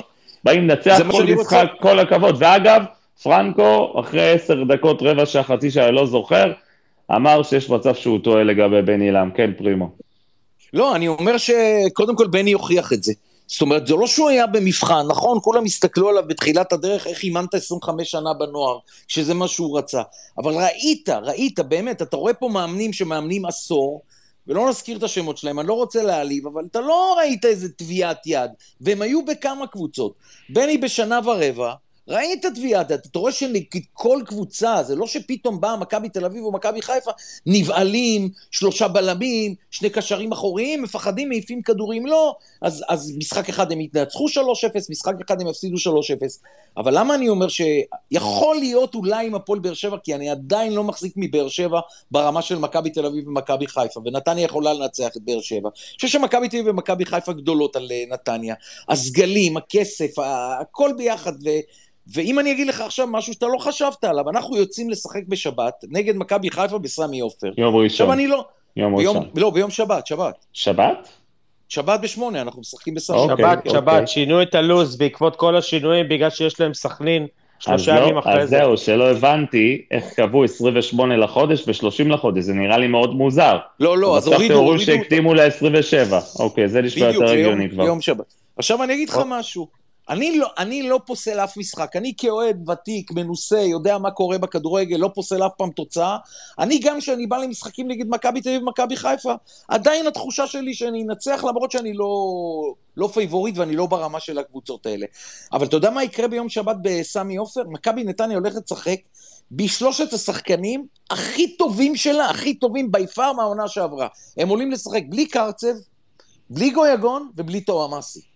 לא, אבל, אבל בסדר, את, את ההשוואה אנחנו עושים למשחק אתמול, או אתה יודע, קרצה וגויגון זה כבר אה, ידוע שהם לא אז יהיו. בסדר, כאילו. אז אני, לא, מה שרציתי לומר, אני רוצה לראות נגד קבוצה חזקה מאוד, 30 אלף בסמי עופר, איזה נתניה שם אני אראה, זה מה שרציתי להגיד. כן. כי זה ברור לנו שביתר ירושלים היום לא ברמה של מכבי תל אביב ומכבי חיפה, ראינו אותה אתמול. מכבי נתניה בעטה 27 פעמים לשער, שמעתי היום את איציק זוהר אומר, שלבעוט 27 פעמים לשער זה לא משחק בליגת העל, אתה משחק נגד נערים ג' אתה בועט ל-27 פעמים לשער, זה מטורף. זה כל שלוש דקות בעיטה לשער, תחשבו על זה. זה. זה נתון מטורף שאני לא ידעתי אותו אם איציק זוהר לא אומר אותו היום ברדיו. לא, ראו, ראו, ש... ראו שהמשחק היה חריג אתמול פריבו, ועדיין כיף לראות את נתניה, בלי קשר. נכון, אז זה מה שרציתי להגיד, כיף בלתי רגיל, ואני שמח שהמון אוהדים, אחרי שהם אוהדים את הקבוצה שלהם, הם מאוד אוהבים את נתניה, זה נותן לי הרגשה טובה, אבל להתמודד על האליפות, תורידו את זה מסדר היום, לא, לא, לא. הלוואי שתהיה התמודדות עם באר שבע על המקום השלישי, הלוואי. נתניה, נתניה צריכים להיות בפלייאוף עליון, אה, פחות מזה, פחות מזה זה יהיה כישלון, כן, פחות מזה זה יהיה כישלון. אה, להתמודד על המקום השלישי, יכול להיות, אה, צריך לראות בהמשך העונה. אני עדיין לא נעול על, אני עדיין לא נעול על הסגל של באר שבע, אבל אני רוצה לראות את באר שבע, לדעת אם בכלל היא יכולה לתת fight למכבי תל אביב ומכבי חיפה, בינתיים זה לא נראה לי, יש להם הרבה צרות, יש להם שני בלמים מעולים, אבל בלמים לא עושים אליפות. בואו נראה את כל היתר. לא, אני, אני לא חושב שהפועל באר שבע יכולה לעבוד פקטור. אגב, לגבי אה, יום שבת, אנחנו לא, אנחנו לא יודעים מה אנחנו הולכים לראות ממכבי נתניה, מן הסתם, אבל גם אנחנו לא יודעים מה אנחנו הולכים לראות ממכבי חיפה, אחרי שהיא חוזרת ממשחק לא קשה. אנחנו לא יודעים איזה, איזה הרכב גם יעלה בכר אחרי בלגרד, אני לא יודע, בדיוק. אולי יבואו כמה, יש לו שם שני פצועים היום ש...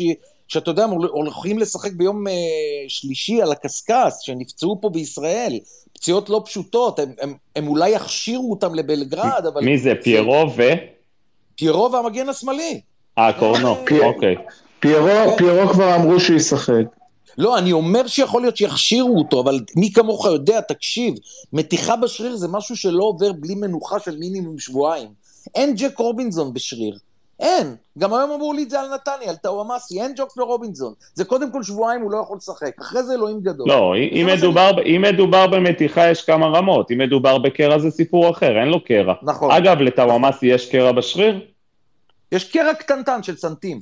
אז אה, זה שלושה שבועות במינימום, בחוץ. אני גם אומר שלושה שבועות, כן. כן, טאוואמאסי... היה לנו את זה עם פרפה. פרפה כן. קיבל את המתיחה הזאת נגד מכבי תל אביב ב-2-2 ולא שיחק שלושה שבועות. אגב, גם פרפה קיבל מתיחה עכשיו וחזר אחרי שבועיים. כן. אה, חזר כן. נגד אריס, אבל לא שיחק, אה, כן. אה, טוב, בסדר, יש לנו, יש לנו הרבה משחקים להמתין להם, פרימו, זה יום שלישי בבלגרד, ביום חמישי, ביום שבת. אם חיפה עולים, אם חיפה עולים לצ'מפיונס, ביום חמישי בערב הגרלת הבתים של הצ'מפיונס. חמישי, אוקיי. כן, תמיד זה בחמישי, תמיד יש ערב, ואתה יודע, הם יכולים להגיע לנתניה, שהם שמעו 36 שעות קודם, שהם הולכים לשחק בקאמפ נו עוד שבועיים, נו, לצורך העניין. נו, אז ו... זה ייתן להם הרגשה טובה. זה ייתן להם הרגשה אולי יותר מדי טובה, זה, זה מה שאני אומר, זאת אומרת, אתה, אם הם עולים, יש מצב שמגיעים לשחק נגד נתניה בסוג של אופוריה, אה, והפוך, זאת אומרת, באמת צריך לחכות ולראות. אני, אני, עוזי, אני עדיין אומר לך, עוזי, אתם, אתם טועים. שהתחושה שלי שכל השלוש יעלו. שגם מכבי חיפה תעלה לאלופות וגם מכבי תל אביב אה, תגנוב משהו בניס. אני לא יודע, זו תחושת בטן, כל השלוש. אם לא, מכבי חיפה יעלו... כמעט בטוח יעלו, הם עם תוצאה טובה נגד קבוצה שהם אמורים לעבור.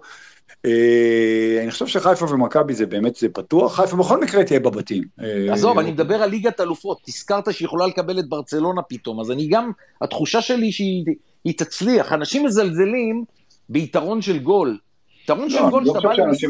אני לא חושב שאנשים מזלזלים, מה גם שאין שערי חוץ, זאת אומרת, שלוש שתיים, להפסיד שלוש שתיים, אה, זה פעם היה הרבה יותר טוב מלהפסיד 1-0, אבל תכל'ס שתי התוצאות האלה הן בעצם אותו דבר אה, בלי השערי חוץ.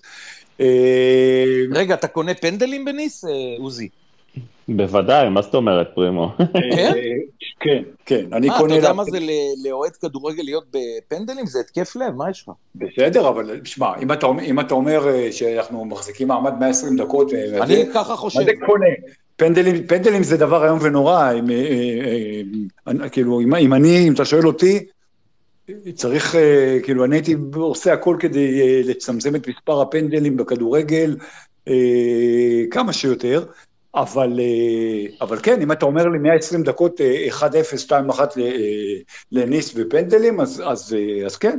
לא, היום כן. ישבתי עם חברים, כולם אוהדי מכבי תל אביב, לכולם אמרתי שתחושה שלי שהמשחק בניס הולך לפנדלים. אני... שידבר הפרש של גול. אני מתבשל על אחת-אחת פרימה, לא יודע, זה, זה הולך לא. לכיוונים האלה, באמת, זו, זו, זו, זאת מתחילה להיות הרגשה שלי. דווקא כשניצחנו 1-0 לא הייתה לי הרגשה טובה.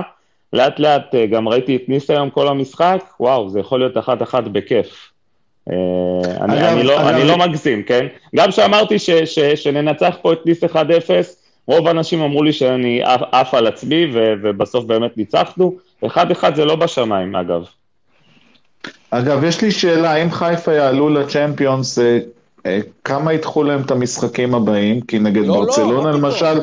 לדעתי צריך להתכונן המון זמן, זה לא מספיק לא, לא, שבוע לא, רק בוא, להתכונן. בוא נעשה סדר, בוא נעשה סדר. התקנון אומר רק למשחק פלייאוף. זהו. לא, גם פעם בעונה, לא, לא, זה גם הגדרה. הוא מוצל בטח, אין, אין, אין, אין גם אה, לו"ז לדחות. מוצל, הפריבילגיה שניתנה לשלוש האירופאיות, נוצלו על ידי מכבי חיפה והפועל אה, באר שבע, לא נוצלה על ידי מכבי תל אביב, ומכבי גם לא תוכל לנצל אותה.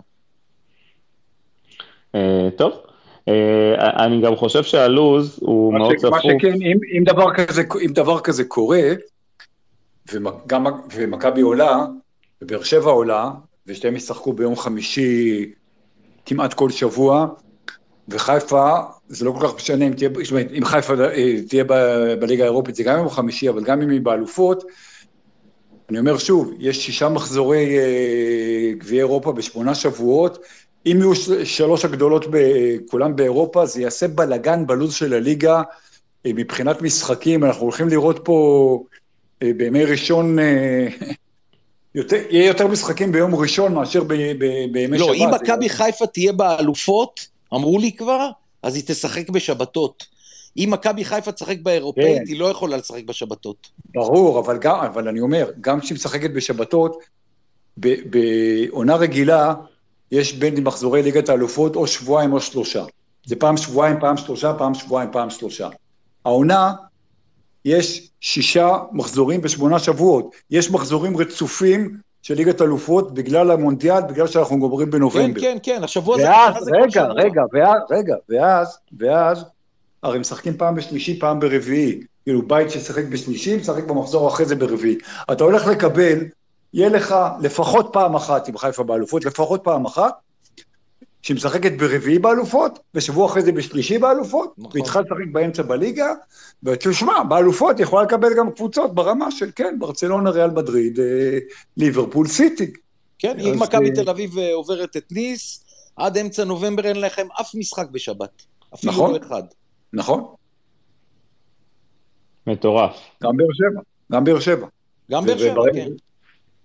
אה, שוב אני אומר, אתה הולך להיות, אתה הולך לעשות ברדק בלוז של הליגה, אה, כאילו, לך תסתכל על משחקים, אם גם באר שבע צריכה לשחק, אה, לא יכולה לשחק בשבת, גם מכבי לא יכולה לשחק בשבת, ואולי גם חיפה אם היא נופלת לאירופה. כן. המשחק המרכזי בליגת העל בשבת יהיה חדרה קריית שמונה. משהו כזה. לא פעם אחת, אלא חודשיים. כן, כן, כן. כן. טוב, פרימו, יש לי תיאוריה. אם מכבי תל אביב לא עולה אה, לשלב הבתים, היא מסיימת את הסיבוב הראשון עם 35 אה, נקודות מתוך 39. אם, תראה, אני אומר, אני לא יודע נקודות, אני אמרתי לכם קודם שמבחינתי, חוץ ממכבי חיפה, שזה משחק עונה, ובאמת במשחק עונה הכל יכול להיות... רגע, אנחנו ארבע נקודות אבל. אני אומר שכל הפסד עוזי של מכבי תל אביב בליגה הזאת ייחשב מבחינתי כסנסציה. לי דבר אחד אין לי ספק. זה מכבי חיפה זה סנסציה, אל תגזים. חוץ ממכבי חיפה, כל הפסד של, אתה יודע מה, בוא נכניס גם את באר שבע, מכבי תל אביב בסגל הזה, בליגה הזאת. חבר'ה, חבר'ה, בואו לא נשכח, בואו לא נשכח שאיביץ' לא הפסיד מעולם למכבי חיפה, הוא ניצח שבע פעמים ועשה פעם אחת תיקו, ולא הפסיד מעולם לברק בכר. אז אה, יש לנו לא, על מה להתבסס. אה, מצד שני, המאזן שלו בדרבים יחסית לא משהו. אבל אני רציתי להגיד שבדבר אחד אין לי ספק, ואפשר לבדוק את זה רק בסוף השנה, שאם מכבי תפסיד בניס, ואני לא מאחל לה, כי אני, אני רואה את המשחק הזה, משחק חפירות 120 דקות, אבל אם מכבי תעוף לניס, היא תשוט לאליפות לדעתי. היא, כן. מכבי חיפה קשה יהיה לה מאוד עם השלוש פעמים בשבוע, עם אה, סגל אה, מחליף לא הכי טוב שיש, אתם רואים את הבלמים המחליפים שצריך להציג. פרימו, למה, למה אנחנו הולכים רחוק? פרימו, מכבי חיפה אמורה לשחק נגד מכבי נתניה באמצע שבוע מול סכנין, וכנראה ביום ראשון מול הפועל באר שבע בטרנר. אוקיי, זה כבר שלושה משחקים בשבוע בעקבות uh, התחייה של uh, סכנין. זה כבר שלושה משחקים מאוד מאוד קשים, אני לא בטוח שמכבי חיפה בהוצאה תשע נקודות, גם לא שש. בוא נראה. בוא נראה. המחליפים שלה, בוא נגיד, לא מספיק טובים כמו ההרכב הראשון. לאיביץ' אין את הבעיה של בכר, אמרתי לכם את זה. איביץ', מה שלא ישים זה טוב. בכר, אם יוציא את שני הבלמים שלו וישים את עופרי ארד ורמי גרשון, זה כן. ירידה כן. מטורפת. ואנחנו... ירידה של uh, רמת הפועל חדרה. ואנחנו צריכים לזכור, כן, אנחנו צריכים לזכור שאת הסיבוב הראשון מסיימים, ואז הולכים לפגרת uh, מונדיאל. ואחרי זה עוד פעם, מערבבים את כל הקלפים, תהיה פגרה ויגיעו שחקנים, ואולי ימכרו שחקנים, והליגה הזאת היא באמת אה, תתחלק לשניים. יש משהו אבל מאוד מאוד חשוב במהלך המונדיאל. חצי גמר גביע הטוטו, נתניה נגד חדרה. אוי אוי אוי. אולי אפשר יהיה להביא תואר משם, אני צוחק. אה, בהחלט אפשרי, פרימו, אתה יודע, אתם הפייבוריטים כנראה, לא? לא, יש את באר שבע. אה, אוקיי. משהו, חיפה. משהו קטן לגבי המונדיאל שאתם אומרים, והמרוץ וה, וה, לתואר, תראו, צריך לזכור שבסוף אה, רוב המשחקים, ונראה לי עוזי גם אמר את זה, שרוב המשחקים באירופה אמורים להסתיים עד המונדיאל, לפחות שלב הבתים. ואז אם הפער יהיה מצומצם, לא משנה אם מכבי תל אביב תעשה או לא תעשה בתים, אבל אם הפער ממכבי חיפה יהיה קטן יחסית, ויגיע המונדיאל, אז אחרי המונדיאל זה כאילו הליגה מתחילה מחדש בעצם. זה בדיוק מה שאמרתי, מיכאל, מערבבים את הקלפים מחדש אחרי המונדיאל. כן. יש קבוצות אוקיי. שהתחזקו, ואתה יודע, אולי גם שחקנים אה, יימכרו לאירופה, אני לא יודע. סביר לא, להניח שפחות. ש...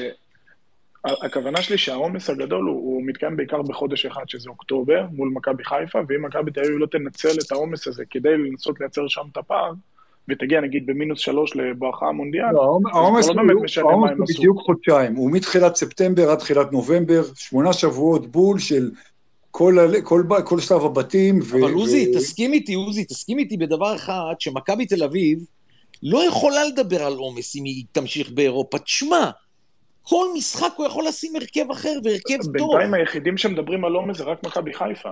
לא, עכשיו אמר, של עומס. עכשיו אמר עוזי שאוהד מכבי תל אביב ודואג למכבי תל אביב, הוא דיבר על עומסים, אבל אני אומר שבאמת שאיביץ' לא, לא, משחק יכול לשים הרכב מצוין. לא.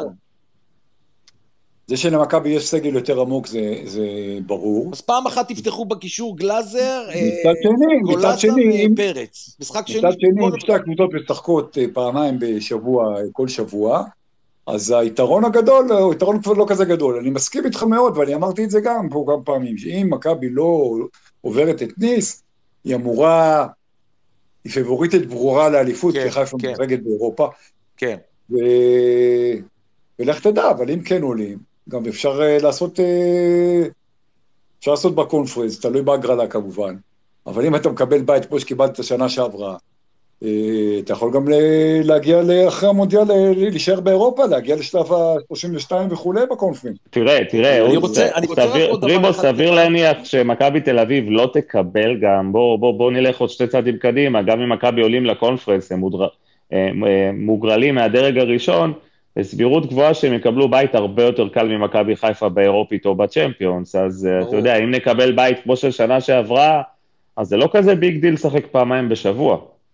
עוזי, אני רוצה עוד שאלה לשאול אותך, אתה גם ותיק מאוד, ואני בקטע של שוערים, יש לי לפעמים בעיות גם עם uh, השוואה. אז uh, דניאל פרץ, לכולנו אין ספק שהוא יהיה מספר אחד בנבחרת לכמה שנים טובות. אבל אתה מדרג אותו כמו הגדולים שהיו לנו? זאת אומרת, הוא, הוא, הוא למשל ברמה לא, של דוידוביץ'? אני, אתה לא היית ב space הקודם, אבל אני, הרי שנה שעברה, הכרתי את דניאל פרץ, ו, ובספייס הקודם חזרתי ואמרתי שהנה, שילמנו שכר לימוד, אבל הוא באמת שוער גדול. אה, אני חושב שמוקדם, מוקדם, מוקדם לדעת. הוא הולך בדרך, הוא יהיה ברמה של דוידוביץ' לדעתך?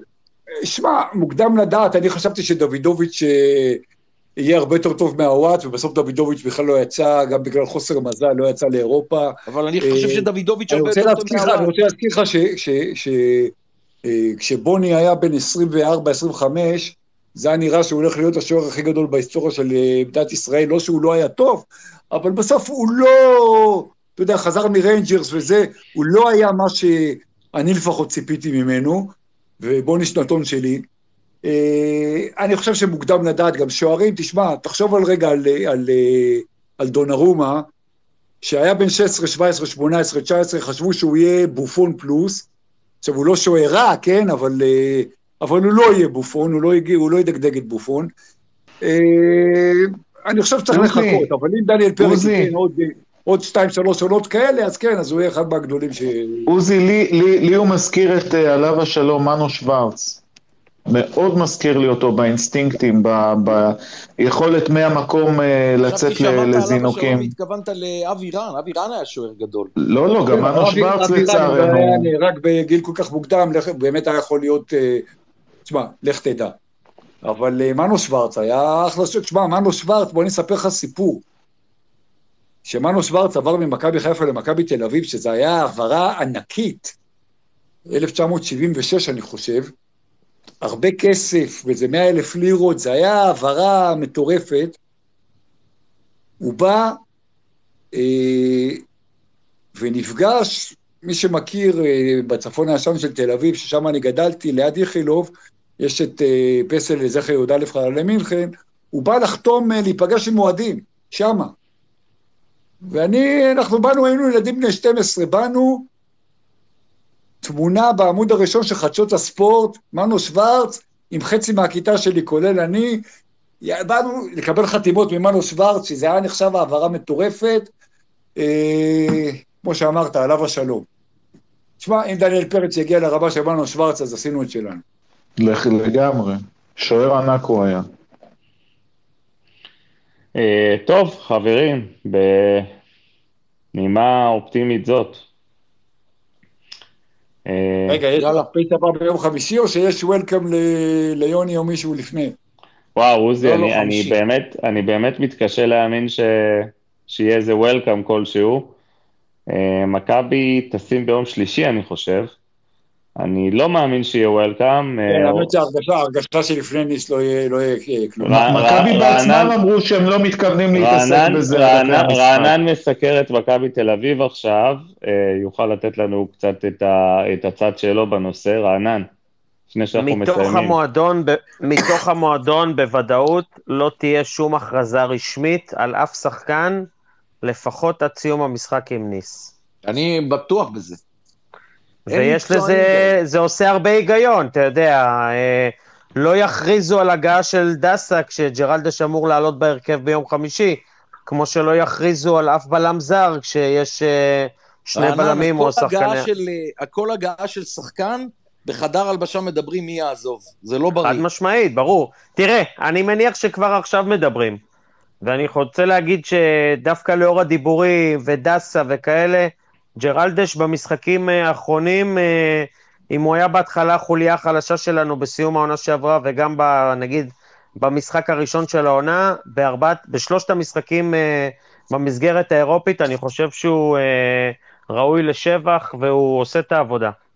וצריך להגיד לזכותו, מקצוען אמיתי, אבל לעניין השאלה שלכם, מכבי תהיה מתמקדים, התמקדו מיום חמישי עד היום במשחק נגד ריינה, היה חשוב להם לעבור את זה בשלום, וגם uh, לקראת יום חמישי, כל הפוקוס עכשיו על יום חמישי, uh, הם לא ייתנו לשום דבר להסיט את, ה, את הדעת, את הריכוז וההכנות uh, מהמשחק הזה, ממשחק הגומלין. טוב, אז הוולקאמים יחכו להם. יכול להיות שכבר סגרו עם דסה, ויכול להיות שכבר יש בלם זר, ופשוט ממתינים עם, ה... עם ההכרזה, אם, אם, אם, אם, אם ניסינו לפענח את הדברים של איביץ' בשתי מסיבות העיתונאים האחרונות, um, הדברים כבר שם, ברמה של הכל סגור, ואולי צריך איזשהו, uh, נקרא לזה חתימה סופית מבחינת מיץ' גולדהר. אגב, מיץ' גולדהר היה היום באיצטדיון? כן, כן, כן, הוא היה. יפה מאוד. אני אישית לא ראיתי אותו, אבל נאמר לי שהוא היה, אני גם ישבתי היום ביציע עיתונאים, לא הייתי על הקווים למטה. אה, זה היה השידור של ערוץ הספורט, אבל... אם אה, מדברים על מיץ', אה, אני לא זוכר מי אמר ב space הקודם, אבל מתח ככה ביקורת, שזה בסדר גמור, כל אחד צריך להגיד את דעתו וזה סבבה, על רענן ועליי וזה, שאנחנו, זה שדיברנו על זה שגולדהר חזר לו החשק וכולי, ואנחנו רואים את זה בהחתמות, שאמר שאנחנו מרדדים את השיח שאנחנו אומרים את זה, אז רצה 12 שעות אחרי זה, גולדהר בעצמו אמר את זה במסיבת עונאים, בפיו. ש... אני שאלתי אותו, אני בכוונה שאלתי אותו, עוזי, אתה יודע, זה... כן, אבל כן, אני ידעתי בדיוק, אני ידעתי בדיוק למה אני שואל את זה, זה, אתה יודע, לא, לא ידעת שהתשובה תהיה כל כך ברורה וזה, אז נכון, בואו תזכירו אז בואו תזכירו למאזינים מה הייתה התשובה. אבל אני שואל למה כל פעם מעלים את זה, אני כל כך הרבה שנים מכיר את מכבי תל אביב. פרימו, לא היית פה ב space הקודם, כי אמרו שזה שאנחנו אומרים את זה, זה לא רציני, אז... אבל אני גם... לא, אני אגיד לך למה אני שאלתי את זה, אני שאלתי את זה מכיוון אחר. אני שאלתי אותו האם, כי הוא הזכיר, הוא הזכיר שהוא מכיר את ברק יצחקי כבר 12 שנה, מאז שברק היה שחקן, ובעצם מיץ' מתחיל השנה את השנה ה-13 שלו כבעלים. אז השאלה שלי הייתה, האם ההתלהבות שלו והתשוקה שלו והרצון שלו להצליח במדי מכבי תל אביב הם אותו דבר, או אולי יותר, או אולי פחות, מהיום הראשון שהוא הגיע למועדון 13 שנה אחורה. ומשם השיח התגלגל לזה שהוא גם אמר יכול להיות שלא רואים עליי כי שפת הגוף שלי היא כזאת, ואולי כי אני לא מביע רגשות, ואולי יש כאלה שאומרים עליי כל מיני דברים כי אני לא נמצא כאן באופן פיזי, אבל אני יותר אה, אה, נלהב מאי פעם להיות במכבי תל אביב, אה, ואני עוד אהיה כאן הרבה מאוד זמן, ולכן השיחה הזאת הלכה לשם. אני אפילו שאלתי אותו ואמרתי לו, אתה יודע, בכל ביקור שלך, בעיקר כשאתה לא מגיע הרבה, אחרי הרבה זמן, אה, אוהדי מכבי תל אביב שואלים את עצמם, עד מתי מיץ' יישאר? כי מבחינתם הם רוצים שאתה תישאר כמה שיותר זמן. ואז משם מתגלגלה השיחה, כי באמת, אני בטוח שיש אוהדים שאומרים לעצמם שהבן אדם הזה לא יעזוב לעולם, ומבחינתם, אה, אתם יודעים, הוא, הוא נותן הוא לי, ש... רן, רענן, הוא, כן. הוא נותן לי הרגשה כל פעם שאני רואה את המסיבות עיתונאים שלו, כל פעם שרואים אותו, שבן אדם אפילו לא חושב על זה, אני לא יודע למה... לגמרי, לגמרי, לא, תשמע. כי רוצים לשמוע את זה ממנו. זה, זה לך, העניין, פרימו. בא בן אדם בינואר, אה, הוציא שני מיליון יורו על שחקן. זה לא בעלים שחושב אולי בפעם אני אעזוב. אתה יודע מה? אגיד לך משהו, גם אתה לא חשבת עליו. נכון, שמעיף, נכון. ג, לא, אני אגיד לך עוד משהו, גם מי שמעיף את אצילי ומיכה ממכבי תל אביב זה גם לא בעלים ש, שחושב שאולי עוד מעט הוא עוזב את, נכון. הקבוצה. אבל לא פרימו. אתה יודע, פרימו, אני אגיד לך לפחות עליי באופן אישי, כן? אני במהלך השנה עולה לשידור ברדיו נתניה, לפעמים ברדיו חיפה, ברדיו כזה, ברדיו אחר, והשאלה הזאת על מיץ' גולדהר נשאלת הרבה פעמים מפי אנשים שלא מסקרים את הקבוצה ולא יודעים על הלך הדברים, לא יודעים שמיץ' מעורב ביום-יום, אתה יודע, לפעמים יותר, לפעמים פחות, אבל הוא מעורב עד רמת ה... פעם צחקו שלא מחליפים טושים זוהרים במשרד בלי אישור שלו, זה בערך הכיוון, הוא יודע אחד לאחד כל מה שקורה, הוא מאוד מעורב, הוא אף פעם לא הוריד רגל מהגז, נכון, הייתה תקופת קורונה, קרו דברים בחברה שלו, הוא גם דיבר על זה במסיבת העיתונאים האחרונה, כשהוא עלה בקונפרנס, אה, בשיחת וידאו, אה, והוא אמר שנפטר אה, יד ימינו שהיה בחברה שלו, והוא היה האיש שניהל עבורו הרבה מאוד עניינים. הוא חווה משבר מאוד גדול גם בקורונה וגם מבחינה אישית, בזה שהוא איבד שני אנשים מאוד קרובים. והוא אמר, הקורונה מנעה ממני להגיע לישראל, וכשאני לא מגיע לישראל אז מתחילים דיבורים. ואתה יודע, אנשים שלא מסתכלים את המועדון באופן אה, אה, אה, קרוב, אני לא אומר את זה חלילה משחצנות, אני אומר את זה פשוט שמי שכן קרוב למכבי תל אביב יודע שמיץ' כל הזמן נמצא שם.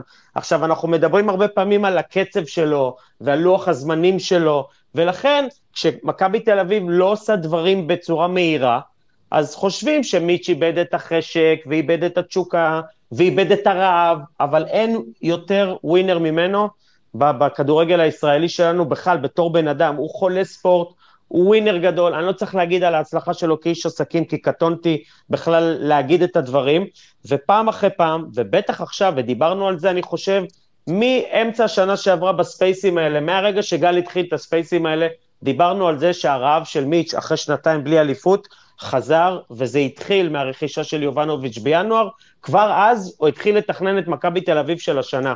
ו- ו- וכבר דיברנו על זה שאתה מחתים אחד כמו איביץ', אתה מבטיח לו שחקנים, והמרדף אחרי זהבי, וניר ביטון, וונוברים, אני לא אחזור על דברים שנאמרו כאן, אבל האיש באמת, כמו שאתה אומר, ואני באמת אה, מכיר אותו מהרגע הראשון שהוא הגיע לכאן, אה, והרעב של האיש הזה והתשוקה שלו להצליח, ו- ולעמוד באותם עקרונות שהוא כל הזמן דיבר עליהם. הוא באמת מתכוון לכל מה שהוא אומר. ותוסיף עוד דבר, הוא... רענן, צריך להוסיף עוד כן. דבר על האיש המיוחד הזה. הוא יהודי שגר בקנדה. קנדה נכון. מפוצצת ביהודים עשירים.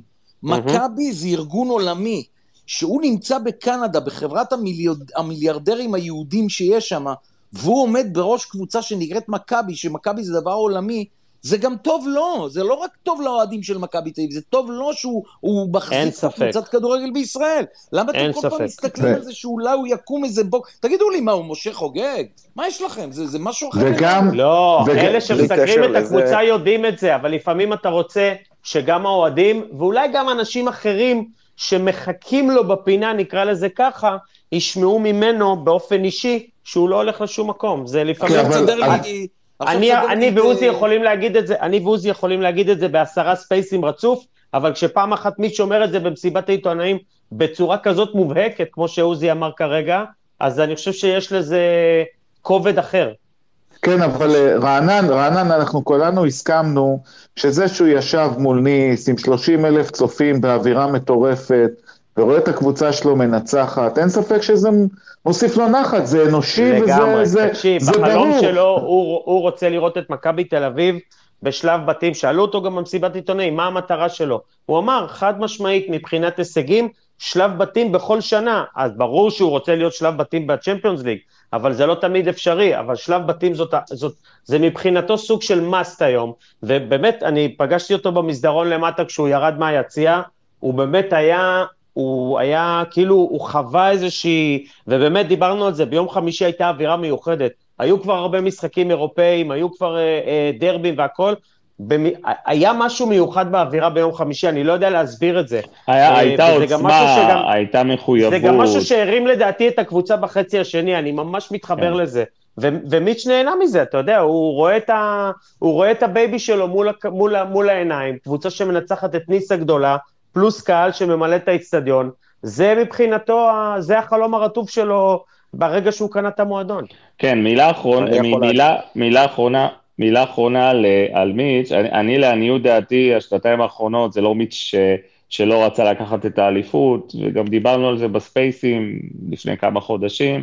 אה, מכבי היו זכוכים בצורה כזאת או אחרת אחרי העזיבה של, אה, של איביץ' ושתי האליפויות הקלות, וחשבו שבאמת אולי אנחנו הולכים לשייט גם לאליפות השלישית והרביעית, וקרה מה שקרה עם אצילי ו- ודוניס, וכולכם מכירים את הסיפורים.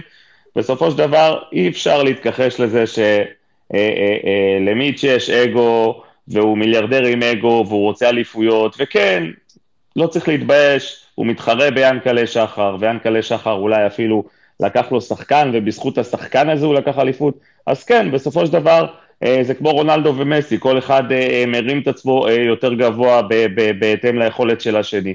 אז כן, נכון. מכבי חיפה התחזקה, ומיץ' לא מטומטם, והוא רואה את מכבי חיפה, והוא רואה את המשחקים שלה גם אולי, והוא יודע שהוא חייב להרים את הרמה שלו, והוא יודע שהוא חייב את דור פרץ, ואת ערן זהבי, ואת ניר ביטון, וכן, הוא מכניס את היד לכיס כתוצאה גם מההתחזקות של מכבי חיפה, וזה לא בושה להגיד את זה. אז מיץ' גולדהר, יש לו אגו, והוא רוצה להחזיר את האליפות, וזה בסדר גמור, והוא יחזיר את האליפות. איזה קביעה חד משמעית, גדול. חד משמעית, פרימו. גל, תתפלא, אבל אני מסכים איתך, מסכים איתך בכל מילה. אני עם גל. אני עם גל, חד משמעית. האליפות תחזור. אני רק רוצה להוסיף. כן. אני רוצה להוסיף שבתור אוהד, איך שאני מתרשם ממיץ', ואני לא מדבר על תקופה קרובה של 5, 10, 15 שנה. בוא נגיד שבאזור ה-15 שנה קדימה, שבן אדם יחליט ויגיד שלא מתאים לו יותר, אחרי כל מה שהוא בנה פה, שבאיזשהו מקום זה מיצג בחלון ראווה שלו תמיד יהיה, הוא לא ישאיר את זה לבן אדם שבא אחריו, שהוא בעל פחות אמצעים או פחות תשוקה. זה בן אדם שביום שהוא יחליט שאני במכבי תל אביב מיציתי, הבעלים הבא שיגיע אחריו, יעבור גם חפיפה אצלו, וגם מיץ' ידאג לכל דבר שהמועדון לא ירד בשנייה בסטנדרטים. ככה לפחות אני מתרשם ממנו. בתור איש עסקים, שעכשיו סתם לצורך העניין, אם הוא ירצה למכור את וולמארט, הוא לא ימכור אותו לאנשים שהוא יודע שיבואו ויביאו סחורה בפג תוקף שאנשים לא ייכנסו לקנות. זה באיזשהו מקום מחתים גם אותו. אני מאמין שהוא יעביר את המורשת הזאת קדימה הלאה. בדיוק, וזה מה שעושה לנו טוב בכדורגל, כל מי שראה את הרכישה, המכירה העקומה והמגעילה בביתר ירושלים, אני מסכים איתך במאה אחוז, גם אם יום אחד הוא יקום עוד כמה שנים ויגיד, די, אה, אני רוצה להמשיך הלאה, בן אדם שיחליף אותו, כמו שהוא החליף את שניידר, מיליארדר החליף מיליארדר, לא יבוא לפה ברק אברמוב, זה ברור. ובוא נגיד שעם הסטנדרטים שהוא מעמיד, אם זה ימשיך ככה בעשר שנים הקרובות, מיץ' ימכור קבוצה שהיא באיזשהו מקום גם יכולה... אה, ובנימה הזאת, אה, אולי תסדרו לי את רומן אברמוביץ' למכבי נתניה, ואז נהיה...